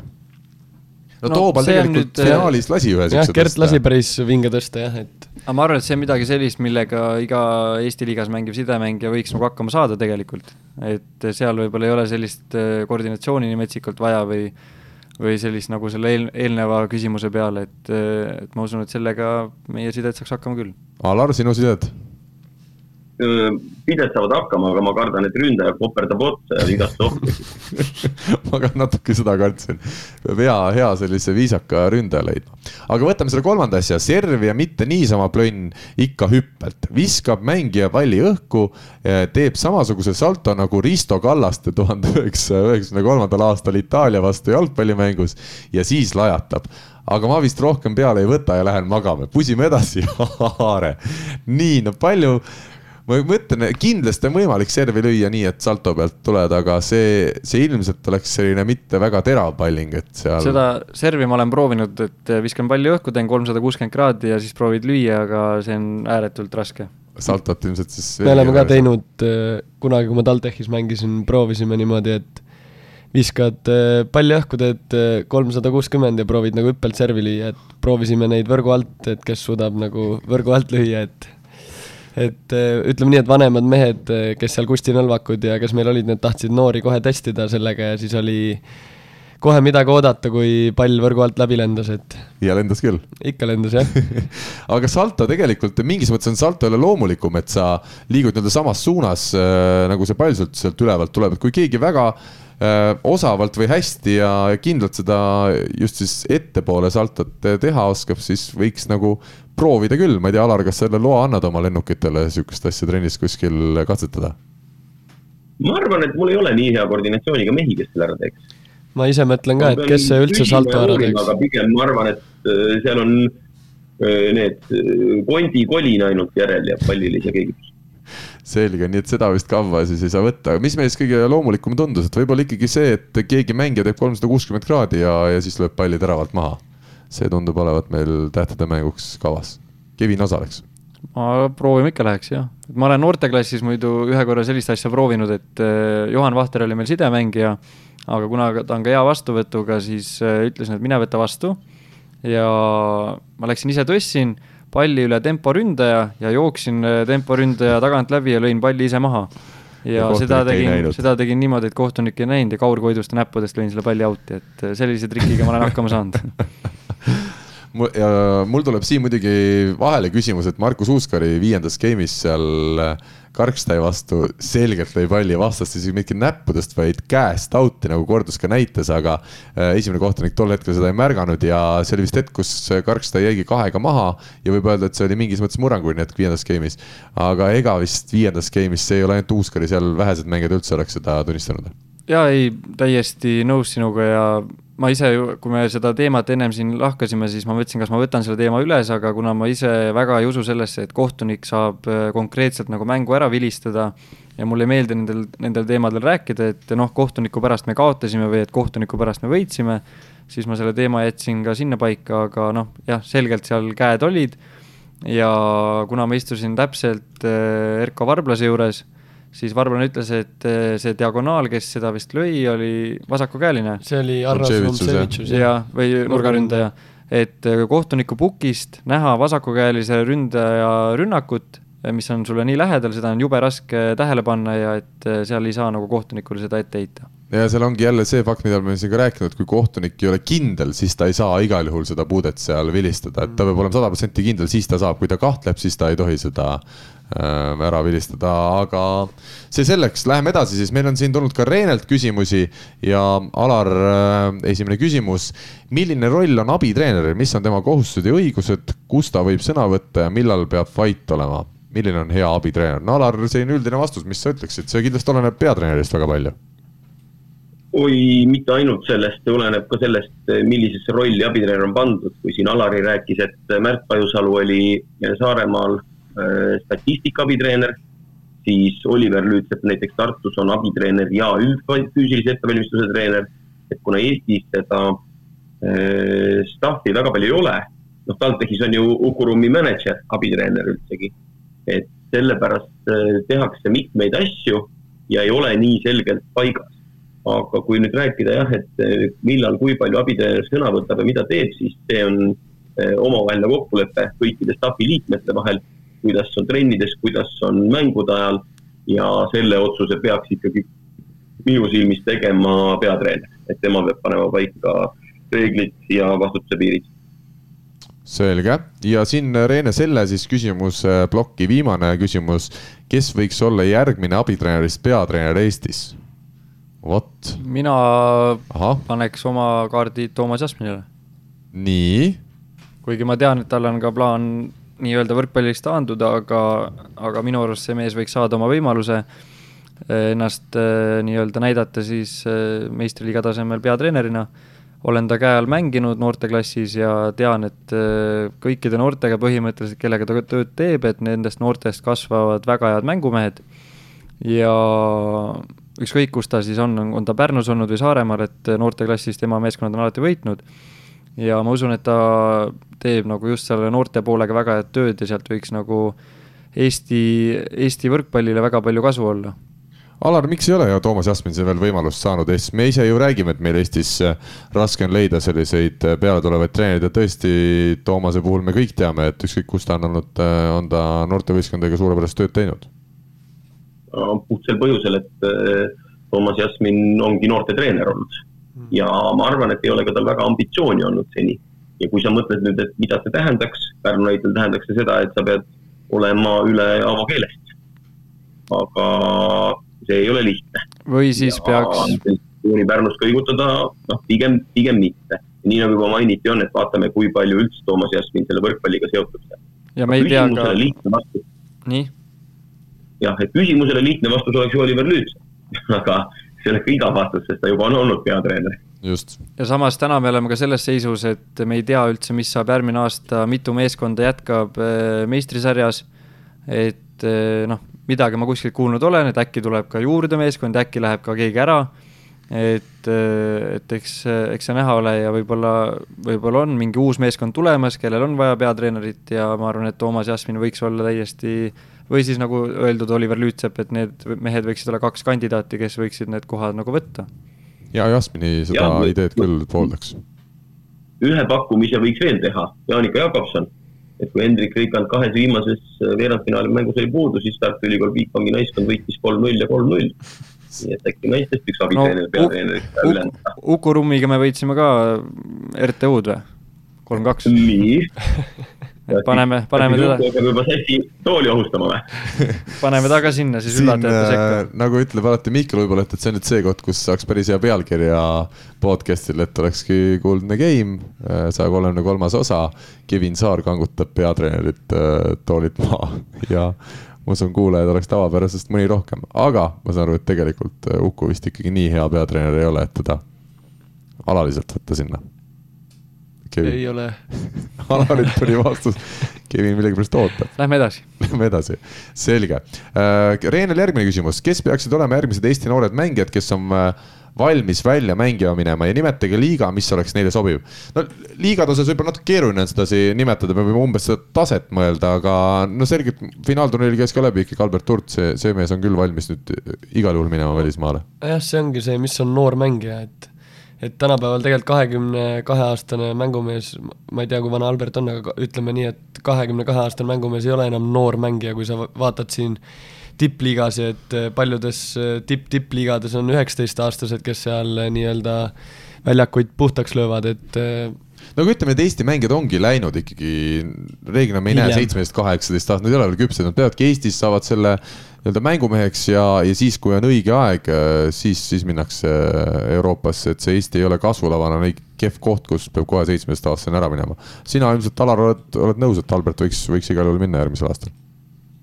jah, enne hooaja algust sai juba öeldud, et ega see äh, pole tänaseks päevaks muutunud, et meie võistkonnast Albert Hurt ja Alex Saaremaa ja kui mõelda selle peale, et millised lätlased näiteks Itaaliasse kohe läksid, Reimannis ja Tartsans, siis ma küll ei seaks mitte kummalegi mehele mitte mingisugust piirangut, et ükskõik millisesse maailmaliigasse võiksid nad sobida. nõus. täiesti nõus, Alari Saar ei ole ka välismaal veel mänginud? ei ole, olen mänginud, aga mitte klubis, olen mänginud, aga mitte klubis välismaal nii, mis, kus sa siis välismaal oled mänginud? Välismaal ikka oled mänginud, käisime Türgis mängimas ja, ja Lätis ja Leedus oled ka käinud? Lätis-Leedus olen käinud selge. aga kas tuleb siin veel mõni äh, nimi ette, no ega vist nii lihtsalt kohe meistriliigast võtta kedagi. Silver äkki võiks ka minna, ma arvan. jah, kui me nüüd jah, loeme, et Silver Maar ikkagi on selline nooremapoolsem mängija, kes täpselt samamoodi nagu Urt jah, oleks nagu taseme poolest lihtsalt äh, viimane aeg minna, ma julgen ka öelda. jah, ja kui noormängijate juurest ära minna, siis ma ütleks, et ka näiteks miks mitte Taavet Lepik äh, võiks proovida selle välismaal mängimise ära ja Valentin Kordase tase mängiks vabalt välja, samamoodi jälle Saksamaa keskmike klubides, Belgia, äh, Šveits, Prantsusmaa Pro B need oleks äh, väljundid, äh, miks mitte. Gert Toobal naeris ka, kui tema käest ei saanud, ei, ei küsitud seda, et, et kas äh, välismaale minna, et tegelikult taseme poolest võiks ka Gert minna, aga vaevalt ta vist praegu kodust ära tahab minna. Alar, sa oled juba ikkagi pigem Gerdi saanud nõus, et järgmine aasta tuleb Eestis veel mängida? ei ole absoluutselt sel teemal rääkinud. ehk siis see, millest ma enne ütlesin, et need, need asjad on ees kõik ja ja noh, ma nüüd ei mäleta, kas Kevin või Alari ütles just hetk tagasi ka, et ei tea ju võistkondade arvu, kui me nendest treeneritest rääkisime, ei tea seda võistlussüsteemi, et eh, noh, aeg on piisavalt segane, et eh, täna eh, märtsi alguses veel ei julge järgmise aasta plaane, ma arvan, ükski võistkond öelda selgelt ja Reene, viimane küsimus siis, mida oodata praegu väljas mängivatelt Eesti mängijatelt nüüd, kui tähtsad mängud algavad, on alanud? kes on oma juba ära teinud ja kes on lati alt läbi läinud või klubi valikuga ebaõnnestunud, kes on üllatanud ja kes võib veel üllatada ning millest see oleneb ähm,? Alar, ma ma pakuksin ikkagi selle, et, et sellist kokkuvõtet meil oleks tark teha siis, kui on äh, hooaeg läbi saanud, et praegu me ei ole ka keegi ilmselt äh, suutnud nii palju neid liigasid jälgida, et, äh, et selliseid põhjapanevaid järeldusi teha, et ma arvan, et neid järeldusi saabki teha alles siis, kui on see hooaeg läbi saanud ja, ja on lõplikult selge, mis kohaga meie mängijad on välisliigades hooaja lõpetanud ja, ja kui tähtis on nende roll olnud seal viimastes mängudes. Loomulikult, kui mõelda, et Ardo Kreek alustas aastat väga hästi praegu on ka see Prantsusmaal äh, kolmandal kohal, aga teisest viienda kohani on kõik võistkonnad ühe punkti sees. ja seal võib juhtuda lõpuks see, et kaotavad veerandfinaalis ja, ja ongi hooaeg ebaõnnestunud. üks, kelle puhul saab öelda, et juba välismaal on ebaõnnestunud, on see, kes kõige hiljem läks. ehk siis Rene Banker läks, sai peaaegu kohe põhikoosseis, sai lepingu tulevikuks. ehk siis sõltumata tulemusest võib juba öelda, et hea valik, äh, õnnestunud äh, minek ja kõik on hästi. Märt Tammearu puhul väga pikalt seganud vigastuspaus ja seal peab tõesti ootama ära hooaja lõpu ja vaatama, kas ta siis on ka väljakul ja millise kohaga lõpuks siis Rooselaare Belgias lõpetab. et äh, Poolas, noh, Robil on üle kivide kändude, aga Belhatovil on kindlasti võtta sealt äh, medal või enamatki ja seda saab hiljem ennustada. noh, nii võime öelda, et mis see tulemus oli, sama nagu ka näiteks Tammemaa. Oliver Venno puhul Kataris on selge, et sul on vaja tiitel võita. et kui tiitlit hakatakse välja mängima, siis on näha, mis, mis saab tema kohta öelda. ja Mar-, Markus Keele kohta, mis, mis teil teada on? Iraanis jõudis. mina tean ainult neid tulemusi ja ausalt öeldes väga võõras riik äh, ja väga võõras võrkpall minu jaoks. ehk siis äh, see, mis viimased uudised, noh, ma ei oska absoluutselt isegi panna taseme ja saavutuse mõttes mingitesse raamidesse seda, et kuidas Markus Keelel on läinud seda Iraanis mm. -hmm nüüd on jõudnud siis äh, poolfinaali Iraani liigas, nii et äh, jah, ainuke koht, kus ilmselt saab adekvaatse info, on Markuse enda käest. no eks see ongi see, et äh, tulemused tulemusteks, aga kui sa vaatad inimesi, kuidas nad ise mängivad, et see oleks võib-olla palju, palju huvitavam ja just see, et kes siis nagu on oma välishooaega hästi teinud ja kes on ebaõnnestunud, et. Ratša vist teeb Soomes päris okeid hooaega, valitakse siin mängu parimateks ja karikafinaali parim äkki ja temal igal juhul jah. kordamööda nii Raadik kui Kollo, et nemad on äh, võrreldes sellega, et nad Selverist läksid Soome erinevatesse klubidesse, üks on siis Savos, teine Agas. pigem ikkagi mõlemad hästi, aga lõpptulemus on jällegi see, et mis äh, kohale kes platseerub, mida teeb Valepa. kas Mikko Esko ikka veab, veab Valepa jälle Soome meistriks või lõpuks öö, äh, on Savo tähed või, või aga üllatab. et noh, seal on tõesti vaja natukene oodata veel hooaja lõpuni. Andrei Aganit samamoodi, väga raske algus ja väga vähe mänguaega. nüüd on Friedrichshafen ise hakanud paremini mängima, on ka Aganits mänguaega saanud. et võib-olla jah, meil on selline hea kokkuvõte nende kohta võimalik ikkagi teha kuskil maikuus aga ma usun, et tänase saate lõppu me võiksime arutada siis natukene veel seda teemat, mis on toimumas Venemaa ümber. no rahvusvaheline võrkpalliliit tuleb ikkagi öelda, on niisugune täiesti saamatu organisatsioon. see on ikkagi iga uudisega, mis nad teevad, nad teevad neid uudiseid küll õnneks suhteliselt vähe, ajavad inimesi vähem arru, aga, aga iga uudis, mis nad teevad, on ikkagi üks rumaluse tipp. no nüüd siis viimaks tuli see sõnum, et Venemaal MM-i ei mängita, et need, neil meestel läks ikka päris kaua aega, et saada olukorrast maailmas äh, pilt ette. ma saan aru, et Venemaa on suure töö ära teinud, et seda finaalturniiri korraldada, aga praeguses olukorras, kus äh, riik on läinud äh, sõdima Ukrainaga, no täiesti see, see, sellised otsused pidanuks tulema seal esimesel päeval ja, ja kohe sada kümme protsenti, aga Alar, eks me vist tunneme seda rahvusvahelist võrkpalliliitu päris hästi, siin midagi üllatavat enam ei ole karm on ikkagi, kuidas saab nii loll üldse olla, et eh, hea, et CEF reageeris väga kiiresti, jõuliselt, otsustavalt ja ega siin midagi muud teha ei ole. eks on selge see, et Venemaa mõjusfääris on lisaks Venemaale veel hulk riike, olgu nad Aafrikas või kus mujal, FIVB, eh, ütleme siis, nimetame neid juhte FIVB paksudeks, need paksud hoiavad eh, oma toolist, kuhu oma suur tagumik istutada kõvasti kinni ja ei julge otsuseid teha. et eh, ma usun, et ajapikku asi läheb ikkagi niimoodi, et Venemaal ühtegi võistlust ei ole, ükski Vene võistkond rahvusvahelistes sarjades ei mängi.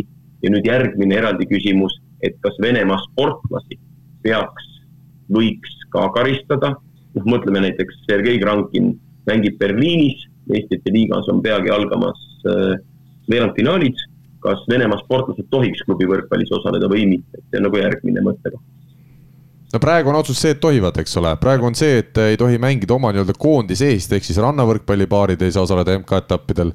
Ja no ka lumevõrkpallis siis ei saa mängida, ma ei tea, kas lumevõrkpallis mingit turniire toimub üldse, aga, aga võib-olla parem ongi, kui ei toimu.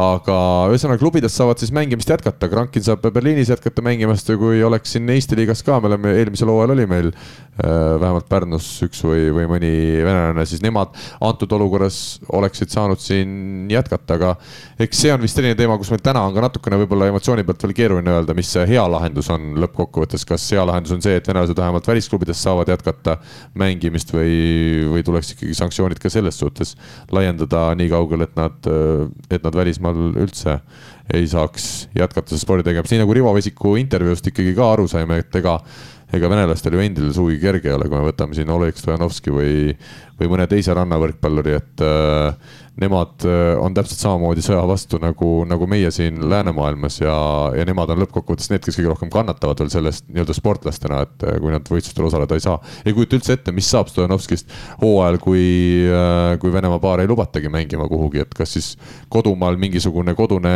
sari teha, kus midagigi saaks kaasa lüüa või lihtsalt terve aasta treenida, ega Alar, see on vist täna veel kõik lahtine ja, ja seda, seda saab olema ka huvitav jälgida kõrvalt oi muidugi, ma arvan, et iga päev äh, näeme me muudatusi, äh, näeme me midagi uut ja ei saa välistada, et üks asi on see, et me räägime, praegu on hooaeg lõppemas, siis algab meil koondiste suvi. ja selge on see, et Venemaa rahvuskoondised, ma küll usun, et sel aastal kuskil ega midagi ei mängi. ei tohiks ühes spordialas osaleda, aga mis saab edasi järgmisel klubihooajal?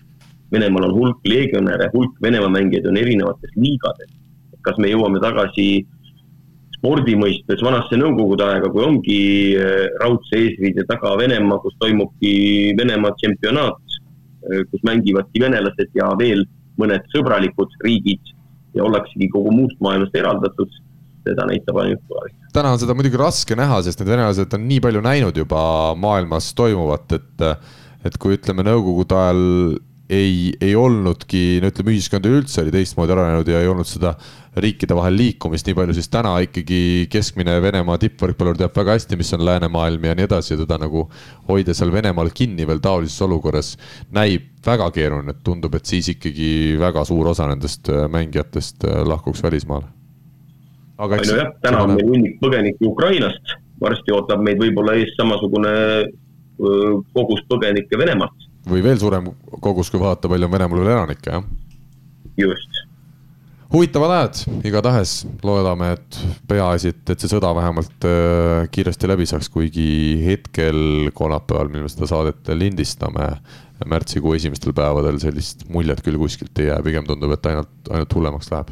aga meie üritame hoida rõõmsat meelt sellest hoolimata, tuleb oma elu edasi elada ja, ja toetada siis ukrainlasi nii nõu kui jõuga, nii palju kui suudame. Ja ja, ja vaadata siis, mida meil hooaja lõpp koduses võrkpallis toob. Alar ja Kevin, suur aitäh teile kaasa, kaasa löömast täna siin saates, võib-olla Kevinile jätta veel sellised lõpusõnad ka, mul ikkagi meeldib sõnaseppadele sedasi sellist lõpuüllatust teha. äkki sul on midagi mõnusat võrkpallisõppedele edastada? Nüüd sa panid küll pingeolukorda mind, aga. sa oled harjunud ju pinge all mängima. ei, olen ikka, et eh, võrkpallisõpradele ütlen seda, et eh, väga huvitavad mängud on ees veel ja et, eh, et kindlasti need poolfinaali paarid, neid kõiki mänge tasub jälgida ja ja üleüldse Eesti võrkpallil on selles mõttes on huvitavad ajad, et neli meeskonda mängivad ja üsna, üsna võrdsel tasemel on. et ei noh, selles mõttes, et ütleme heal tasemel, eks. Ja päris huvitavaks läheb see lõpp seal et äh, tasub mänge vaadata ja ma olen päris kindel, et neid jalaga lööke tuleb veel ja üllatusi võib siin tulla küll ja veel, et äh, püsige lainel ja vaadake meie mänge. Alar, kuidas tundus see lõpp? väga tipp-topp. aeg on trenni minna ja hakata valmistuma Eesti meistrikateks. selge, aitäh sulle, Alar, ka. aitäh kõigile kuulajatele loomulikult äh, samuti ja kohtume taas siis loodetavasti nädala pärast. aitäh. näeme jälle. näeme Eesti kõige põnevamad podcastid on Delfis, kuula tasku.delfi.ee